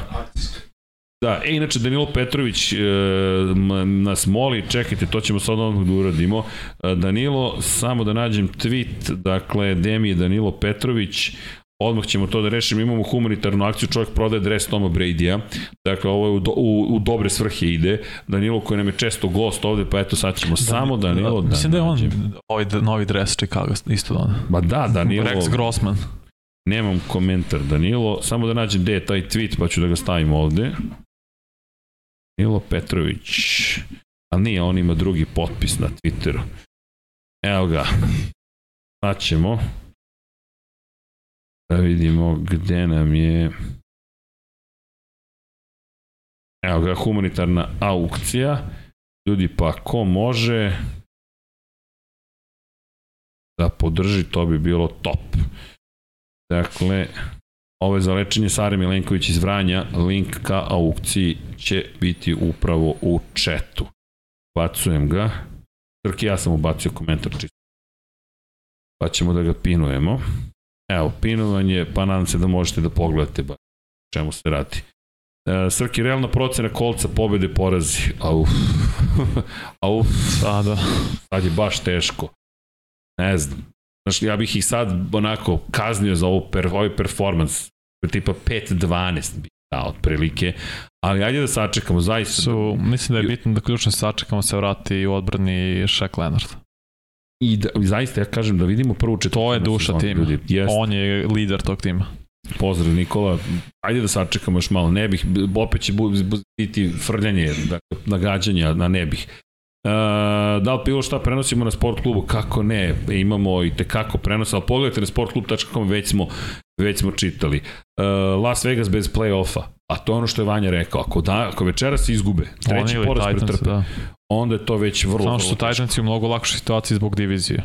Ovi nemaju taj tu, tu prednost zašto je divizija baš, baš, baš brutalna. Na Mladen Stanković zamolio bih komentatora da ne pričaju rezultate ostalih utakmica, to što ih vi na sport klubu ne prenosite ne znači da mi ne želimo da ih gledamo negde drugde. Da, slažem se mladene, ali zato mi tokom svakog čitanja rezultata kažemo u naredni minut ćemo čitati s obzirom na činjenicu da, da, da, da jednostavno ne možemo da ne prikažemo i tu sliku. Čujte, razumemo da ne želite da saznate, ali na primjer često se desi da naše kolege sa ESPN-a, Foxa, CBS-a koji su u produkciji utakmici izbace rezultate i da vam prikažu diviziju i koliko god od nas tražili da nešto ne uradimo, dođemo u situaciju da zapravo mi ne radimo potpun svoj posao jer ne govorimo o tome šta se negde drugde događa i kakve to eventualne implikacije ima. Ok, sada nije kraj sezone pa nema play-off, jel te, razmišljanja toliko, ali eto, ne zamerite, mi se trudimo kad god radimo, da kažemo, sada ćemo pričati o rezultatima, pa nas utišajte na jednu minutu i tako dalje. Ali slažem se s vama, trudit ćemo se nekako tu da, da izbalansiramo. Da, je li Miksa pobegao da ne odgovara za Miami i Baltimore? Ede, nije. Otišao u Baltimore kritikuje. Da, da, otišao, ne, ne, vidi, to će ga sačekati, dakle, sačekat će ga pitanje. Ne, ne brinite, sačuvajte ta pitanja. E, kaže Nikola Srki, jel se šiba sek na polu vremenu pauzama? Ne, zaista, alkohola nema. Dakle, inače, vrlo malo, ali kada pričamo o komentarisanju, nikada. Dakle, ja, ja bar, i to čak nije šala, meni to neprimereno, besprizorno da ja konzumiram alkohol dok radim, bilo šta, kamoli da, da dođem na prenos i kažem, ej, ok, sad ću na pola da popijem nešto alkoholno. Ne, ne, ne, to, to mi je baš neprihvatljivo. Dobra je fora, ali mi nije prihvatljivo. Davante Adams otišao u Vegas da bi bio najplaćeniji hvatač u NFL-u koji pritom ne igra play On bi dobio veće pare u Green Bayu. Da, njemu su nudili Green Bayu navodno veće pare, ali on je hteo neku promenu, ne znam. On je hteo, kaže, navodno tu konekciju sa, sa Karom. Pa, hteo ja, je, ali zato što mu je Rodgers rekao da je pitanje da će on igrati, koliko će još on da igra. I da Rodgers ostane dve godine, onda je Adams u problemu šta će na, sa nastavkom svoje karijere. Da, ko će da mu dode. Da, ali Eto, da, i to. I da bude bliži porodici, jeste. Da, da li je Buffalo prerano tempirao formu, ovo delo je baš jako na početku sezone. Ne. Znate kako, a izvinjam se, dreska, dres je Danny Amendole, nije Toma Brady, izvini Danilo, učinilo mi se da je Brady, dakle dres je Danny Amendole, moje izvinjenje. Ali, da, apropo, ja, za neke timove bih to rekao, ali mislim da je Buffalo ovo jedino što može da, da Buffalo ovako mora da igra da je ovo jedini način da oni uspeju. Jer ajme da se ne lažemo, nije Buffalo odjednom tim koji je koji je decenijama harao poput New Englanda, pa sad je ovo nastavak nečega. Ne, ovo je nešto novo. Buffalo mora da, da glavački izvrne očekivanje to uspeo prethodne dve i po godine. Koliko puta smo poslednjih, od kada postoji 99 yardi, pričali o tome koliko, koliko Buffalo mora da se promiri, da ne bude tim broj 2 u, u istoku, na istoku američke futbolske konferencije, on je sad definitivno tim broj 1 ali imaš Miami koji uopšte nije loš, New England polako se završila ta čuvena jelte dinastija, ali de facto ta dinastija trenutno ne postoji. To nije loš tim, naprotiv, ali nije dinastija. Jets su vrlo mladi vrlo talentovan tim, ali za to je potrebno vreme. Jednog dana, jednog dana možda. Ali za sada Buffalo mislim da ovo mora, da drugačije ne umeju. I to je opet nedovoljna zrelost, ali možda sledeće godine bude drugačije. Kontrolisana forma Buffalo. Sad mislim da su u naponu snagi i sad udaraš. A inače koleginice uparila i YouTube, što je sasvim u redu. Slušajte YouTube, mikrofoni će to da... dakle da, bez brige, dakle, sve je u redu. Uh, da li pratite college, u, u college utakmice? Prate. Gospodin, gospodin prati sve što se zove utakmica američkog futbola. Dakle, ako neko od kuće, onda u studiju. Samo čujete Vanju kako nešto gleda i u fazonu ste, Anja, šta sada gledaš? Ne, fenomen. Da, ne, samo koleđ, samo koleđ. Pa, ne, ne, Vanja nam je ekspert za koleđ. Da, ali još jedan, ovo je tek četvrto kolo završeno, tako da ima još dosta svigra. Inače, e, kaže Srki kako su se Kultardu svideli trubači. I moram da vam priznam da je David Kultar... Čekajte, prvo udrite lajkove. Ajmo ljudi malo da poberemo te lajkove.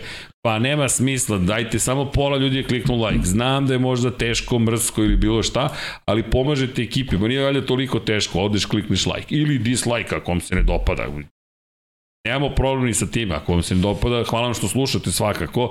Evo, YouTube subscribe, nema, ja kažem like, Srki kaže subscribe, pa Srki kaže subscribe, ti kažeš join. I tako, da, i koliko. Tako je. E, uh, 18.05, mislim da ćemo morati polako da se pozdravljamo. Možda se spremiš za meč. Da bih krenuo, da, da, pa ne, već sam se spremio. već sam se Dobro, spremio. Dobro, mogu, ali da, da. moraš. Da, ne, ne, moram sad, ne samo ovo, nego generalno sam se spremio i sad tek idem zapravo, da, to ostavljamo za meč neke stvari, ali čekaj da se vratim u komentare. E, mene da se popije ono malo da se degustira. Nema degustacije, to kada se završi. Inače, Kultard, odmah da vam kažem, e, niko nije planirao da Kultard stane pred bilo trubače, bilo da se da pleše sa njima na ulici ili da se fotografiše po kiši. Bukvalno čovjek bio ispod šatora, za one koji ne znaju, Red Bull Show Run je organizovan prošle subote i čovjek je bukvalno vozio bolid Formula 1 zajedno, zajedno sa Patrikom Frajzaherom kroz Beograd, dakle deonicu Sunskog trga, preko trga Republike Kolarčeve do hotela Moskva i inače redko izlaze sa dva bolida, bila su tu i drift braći, bio je Aras Gibieža na, na Kawasaki Ninja 636 kao stunt vozač i Kultrdu se dopala muzika i rekao, e, ovo je zabavno, inače punog, du, punog, pun duha, 51 godina, čovjek je legenda. Apsolutna legenda, izašao i krenuo da pleše i onda su nastale fotke. Red Bull Racing ih je danima delio, što je nas potpuno oduševilo. Tako da, inače, Sara, da znaš, Sara se zove i devojka koja vozi, na, vodi, vozi, vozi, vozi, nalog, vozi nalog Instagram za društvene mreže Red Bull Racing. Tako da moraš se zvati Sara ukoliko želiš u društvene mreže. u svakom slučaju, hoće li večeras Falconsi, hoće li se večeras Falconsi vaditi na Seattle? Hoće. Vanja kaže hoće, ja kažem neće, ali to je lepota. Dakle, vidjet će. Da, inače Emin Šubašić kaže, Alen uživa u ovoj igri, čovjek trči, dobije udarce i smeje se. Apsolutno, trenutno pa, uživa i... 196, ja 115 kila. Ali ne 115 kila, imam ja 110, pa nemam, te, nemam te mišiće. mišića. Tako je, 115 kg mišića, to je dosta drugačije. Malo je teško zaustaviti tako čoveka. Malo. malo, malo. Lepo rečeno. E, ljudi, moramo da idemo da radimo dalje prenose i tako dalje. Nadam se da ste uživali. Mi, naravno, kao i uvek što je običaj, pročitat ćemo imena svih koji su naši članovi, kao i svih Patreona. Vanja, hoćeš ti... Ja, ja, molim te. Ja, nemoj, molim te. ja, moramo da ga uhvatimo jednom pot. Pa... pa. Imaš isti problem. Padneš u nesvest. ok, ali dobro, pazi, Deki je pročitao, pa ti vidi. Dakle, ako može, patreon.com kroz Infinity Lighthouse koliko god da nas, sa koliko god novca da nas podržite, super, zato što mi na taj način možemo dalje da dižemo priču i da radimo neke lepe stvari. Prevodi se dinastija, neko nas je pitao, mnogo stvari radimo paralelno, pa malo, malo zaribamo, ali stiže uskoro knjiga, tako da znate, prilično velika, prilično impresivna, ima tu posla. Ali bit će spremna, tako da ćete moći za praznik, ja se nadam da uživate i da taman kada stigne playoff kažete, opa, se podsjetimo dominacije. Da se podsjeti ko, ko voli New England, da se podsjeti, ne, da sazna kako je ovo sve nastalo. Ima fenomenalnih odeljaka, koliko je dugo zapravo Kraft želeo da postane vlasnik New Englanda i kako je na trik postao vlasnik. Zapravo šta je sve morao da kupi, to niko nije očekivao da će ga dovesti do toga da na kraju on preozme New England Patriots dinastiji Jeffa Benedikta u izdanju Infinity Lighthouse na srpskom jeziku. Nije loše. Ne zvuči tako loše. Ja mislim da će ovo biti prva knjiga prevedena ovoga tipa o NFL-u na ovim prostorima. Uuu, a izbacili smo sek. Podrška za ekipu iz Dogme. Sek. A? Pa ćemo snimati reklamu. Sek. Što da rekreiramo ja ovo što je na slici. A, a zakasnit ću na sport klub, ne, moram da idem. Ajde, Ljudi, cep. hvala svima, čitam imena Patreona svih i naravno onih, onih koji su se učlanili na YouTube. Inače, svi Patreoni, YouTuberi, pripremite se krajem meseca, uskoro vam šaljemo Zoom link da se družimo sa svima vama.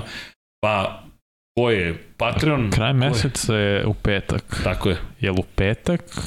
Poš, ili vikend? Ne, ne, ne 99 yardi, nego to će biti potpuno... Ne, ne, ne, ne, ne znam, znam, znam, jasno, nego sam pitam, uh, jel, to što znam šta je da sve sledeći petak. Da čovek koji zna u ovom trenutku odgovor na to pitanje, ni znam gde je Jimmy, ni znam gde je Mix, dakle, treba, treba nas sve pohotati, ali to će biti zatvoreno karaktera, da. ne ide javno, dakle, koliko god da vas bude, ako je festa, nadam se da Festa, kogod je kliknuo join, kogod je Patreon, zoomujemo i tu ćemo da pričamo sve i svašta, možda i pijemo sek, ko zna. Ali, da se pozdravimo. Ljudi, hvala vam, bilo je ovo 99 yardi izdanje broj 96, a sada Hvala kome? Pa našim pokroviteljima, patron, opa, zvuk sam pojačao, a ne svetlost na ekranu, da može da se... Staro, to sad ja ovako moram da čitam vidiš se i onda fokusiraš. To se zove plus dioptrija. Elem, Vojin Kostić, Marin Antunović, Aleksa Lilić, Sead, Dorijan Kablar, Matej Sopta, Gloria Edson, Igor Jankovski, Saša Ranisavljević, Nikola Milosavljević, Marko Kozić, Šmele, Marko Petrekanović, Srđan Sivić, Milan Apro, Branimir Rijevec, Nemanja, Jasmina Pešić, Matija Rajić, Zoran Cimeša, Danijela Ilić, Đole, žena mi zna, Andreja Miladinović, Borislav Jovanović, Miloš Radosavljević, LFC, Crnogorski džedaj Grgo Živaljić, Vlada Ivanović, Jugoslav Krasnić, Andreja Branković, Nebojša Živanović, Ivan Rečević, Andrej Bicok, Veselin Vukićić, Dimitrije Mišić, Ivan Ciger, Safi Tesnjami, Ivan Panajotović, Boris Erceg, Branislav Kovačić, Depressed, Cody Gardrond Fend, Aleksandar Jurić, Vladimir Filipović, Vladimir Petković, Đorđe Đukić, Pavle Njom, Miloš Todorov, Emir Mešić, Andrija Todorović i Ertan Prelić. To su ljudi koji su na prvoj stranici spiska svih pokrovitelja. Zatim, Alen, Bojan Markov, Bahter Abdulmanov, Darko Trajković, Dejan Đokić, Ferenc Laslov i Branko Bisački, Žarko Milić, Aleksandar M, Igor Gašparević, Vukašin Jekić, Branislav Marković, Igor Vučković, Aca Vizla,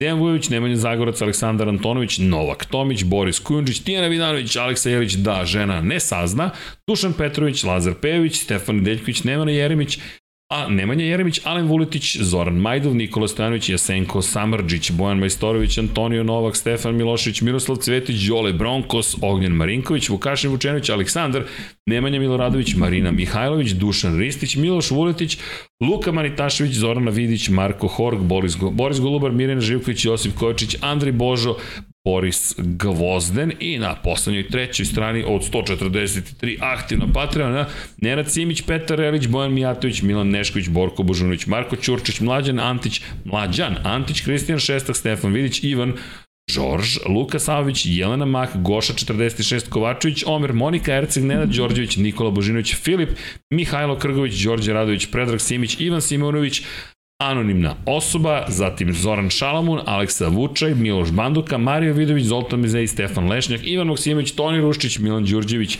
Marko Bogovac, Nikola Grujičić, Marko Mostarac, Mladen Krstić, Marko Čuković, Stefan Dulić, Ivan Toškov, Sava Dugi, Sava Dugi, na vezu, šalim se, Sava Dugi, jedan od pokrovitelja dominira tamo, skoro pa dominira u ligi, Jelena Jeremić i prvi Ozren Prpić, Oz, OZZL, e, OZZ LFC, opa, dakle imamo ovde još jednog LFC čoveka, dobro. Sve strane.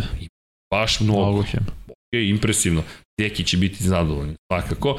I kada je reč o članovima, dakle, svi koji su članovi na YouTube-u, a to su, a to su Da vidimo, Nemanja Bračko, Maksi, Mensur Kurtogić, Galeksić, Nemanja Krstović, Milan Bačić, Uroš Čuturilo, Uroš Čuturilo, oprostite, Alen Jesenović, Nikor 24, Igor Ninić, Igor Ilić, Žarko Ivanović, Marko Bogovac, Voča, Voča Pero, Marko Stilković, Vladan Đurić, Korespondent, korespondent Kosta Berić, Marako sa Zlatko Marić, Milan Knežević, Aleks Vulović, Nemanja Cimbaljević, Bojan Pejković, Koja 7, Almir Vuk, Resničanin, Petar Bijelić, Robi 0-0, Pavle Lukić, Nikola Božović, Milorad Reljić, Andreja David, Nenad Lukić, Saša Stevanović, Toni Soni 76, Nikola Niksi, Branko Rašević, Nikola Grđan, Miloš Tanimirović, Vukašin Felba, Bakadu, Bojan Gitarić, Ivan Magdalinić, Ivan Vujosinović, Tatjana Lemajić, Veselin Vukićević, Branislav Dević, Vukašin Vučenović, Almedina Hmetović, Nemanja Labović, Miloš Zede, LFC, Nikola Kojić, Nemanja Miloradović, Zvonimir Papić, Ups, Zvonimir Papić, zapamtimo Zvonimirovo ime, Marina, Vlada Ivanović, Oliver Nikolić, Andrija Todorović, Jelena Jeremić, Aleksandar Nikolić, Luka Skok, Nemanja, Bojan Markovi, Danilo, Donator Petrović. Podržite Danila, pogledajte pinovani link i učestvujte u aukciji Dres Deni Amendole u pitanju da pomognemo jednoj devici da joj život bude lepši i bolji. U to ime ja vas pozdravljam, budite dobri, budite veseli, mazite se i pazite se. Sek. Živeli, Vanja. Znam da ne konzumiraš, ali da se sekujemo malo. Ovdje će najbolji drug tamo. E, ovo će da bude za posle utakmice, pa lagano na spavanje. Dragi drugari, udrite like, mi vas volimo. 9656 200 ili 500 podržite UNICEF ili bilo koga drugoga i naravno gledajte utakmice NFL-a i pokušajte da nas pobedite na 99yardi.com. Ko bolje prognozira? Za sada vam ide. Za sada vam ide. Ljudi, hoćemo se pozdravimo. 1, 2, 3, 4, 5, 6, 7, 8, 99. Ćao svima. Thank you.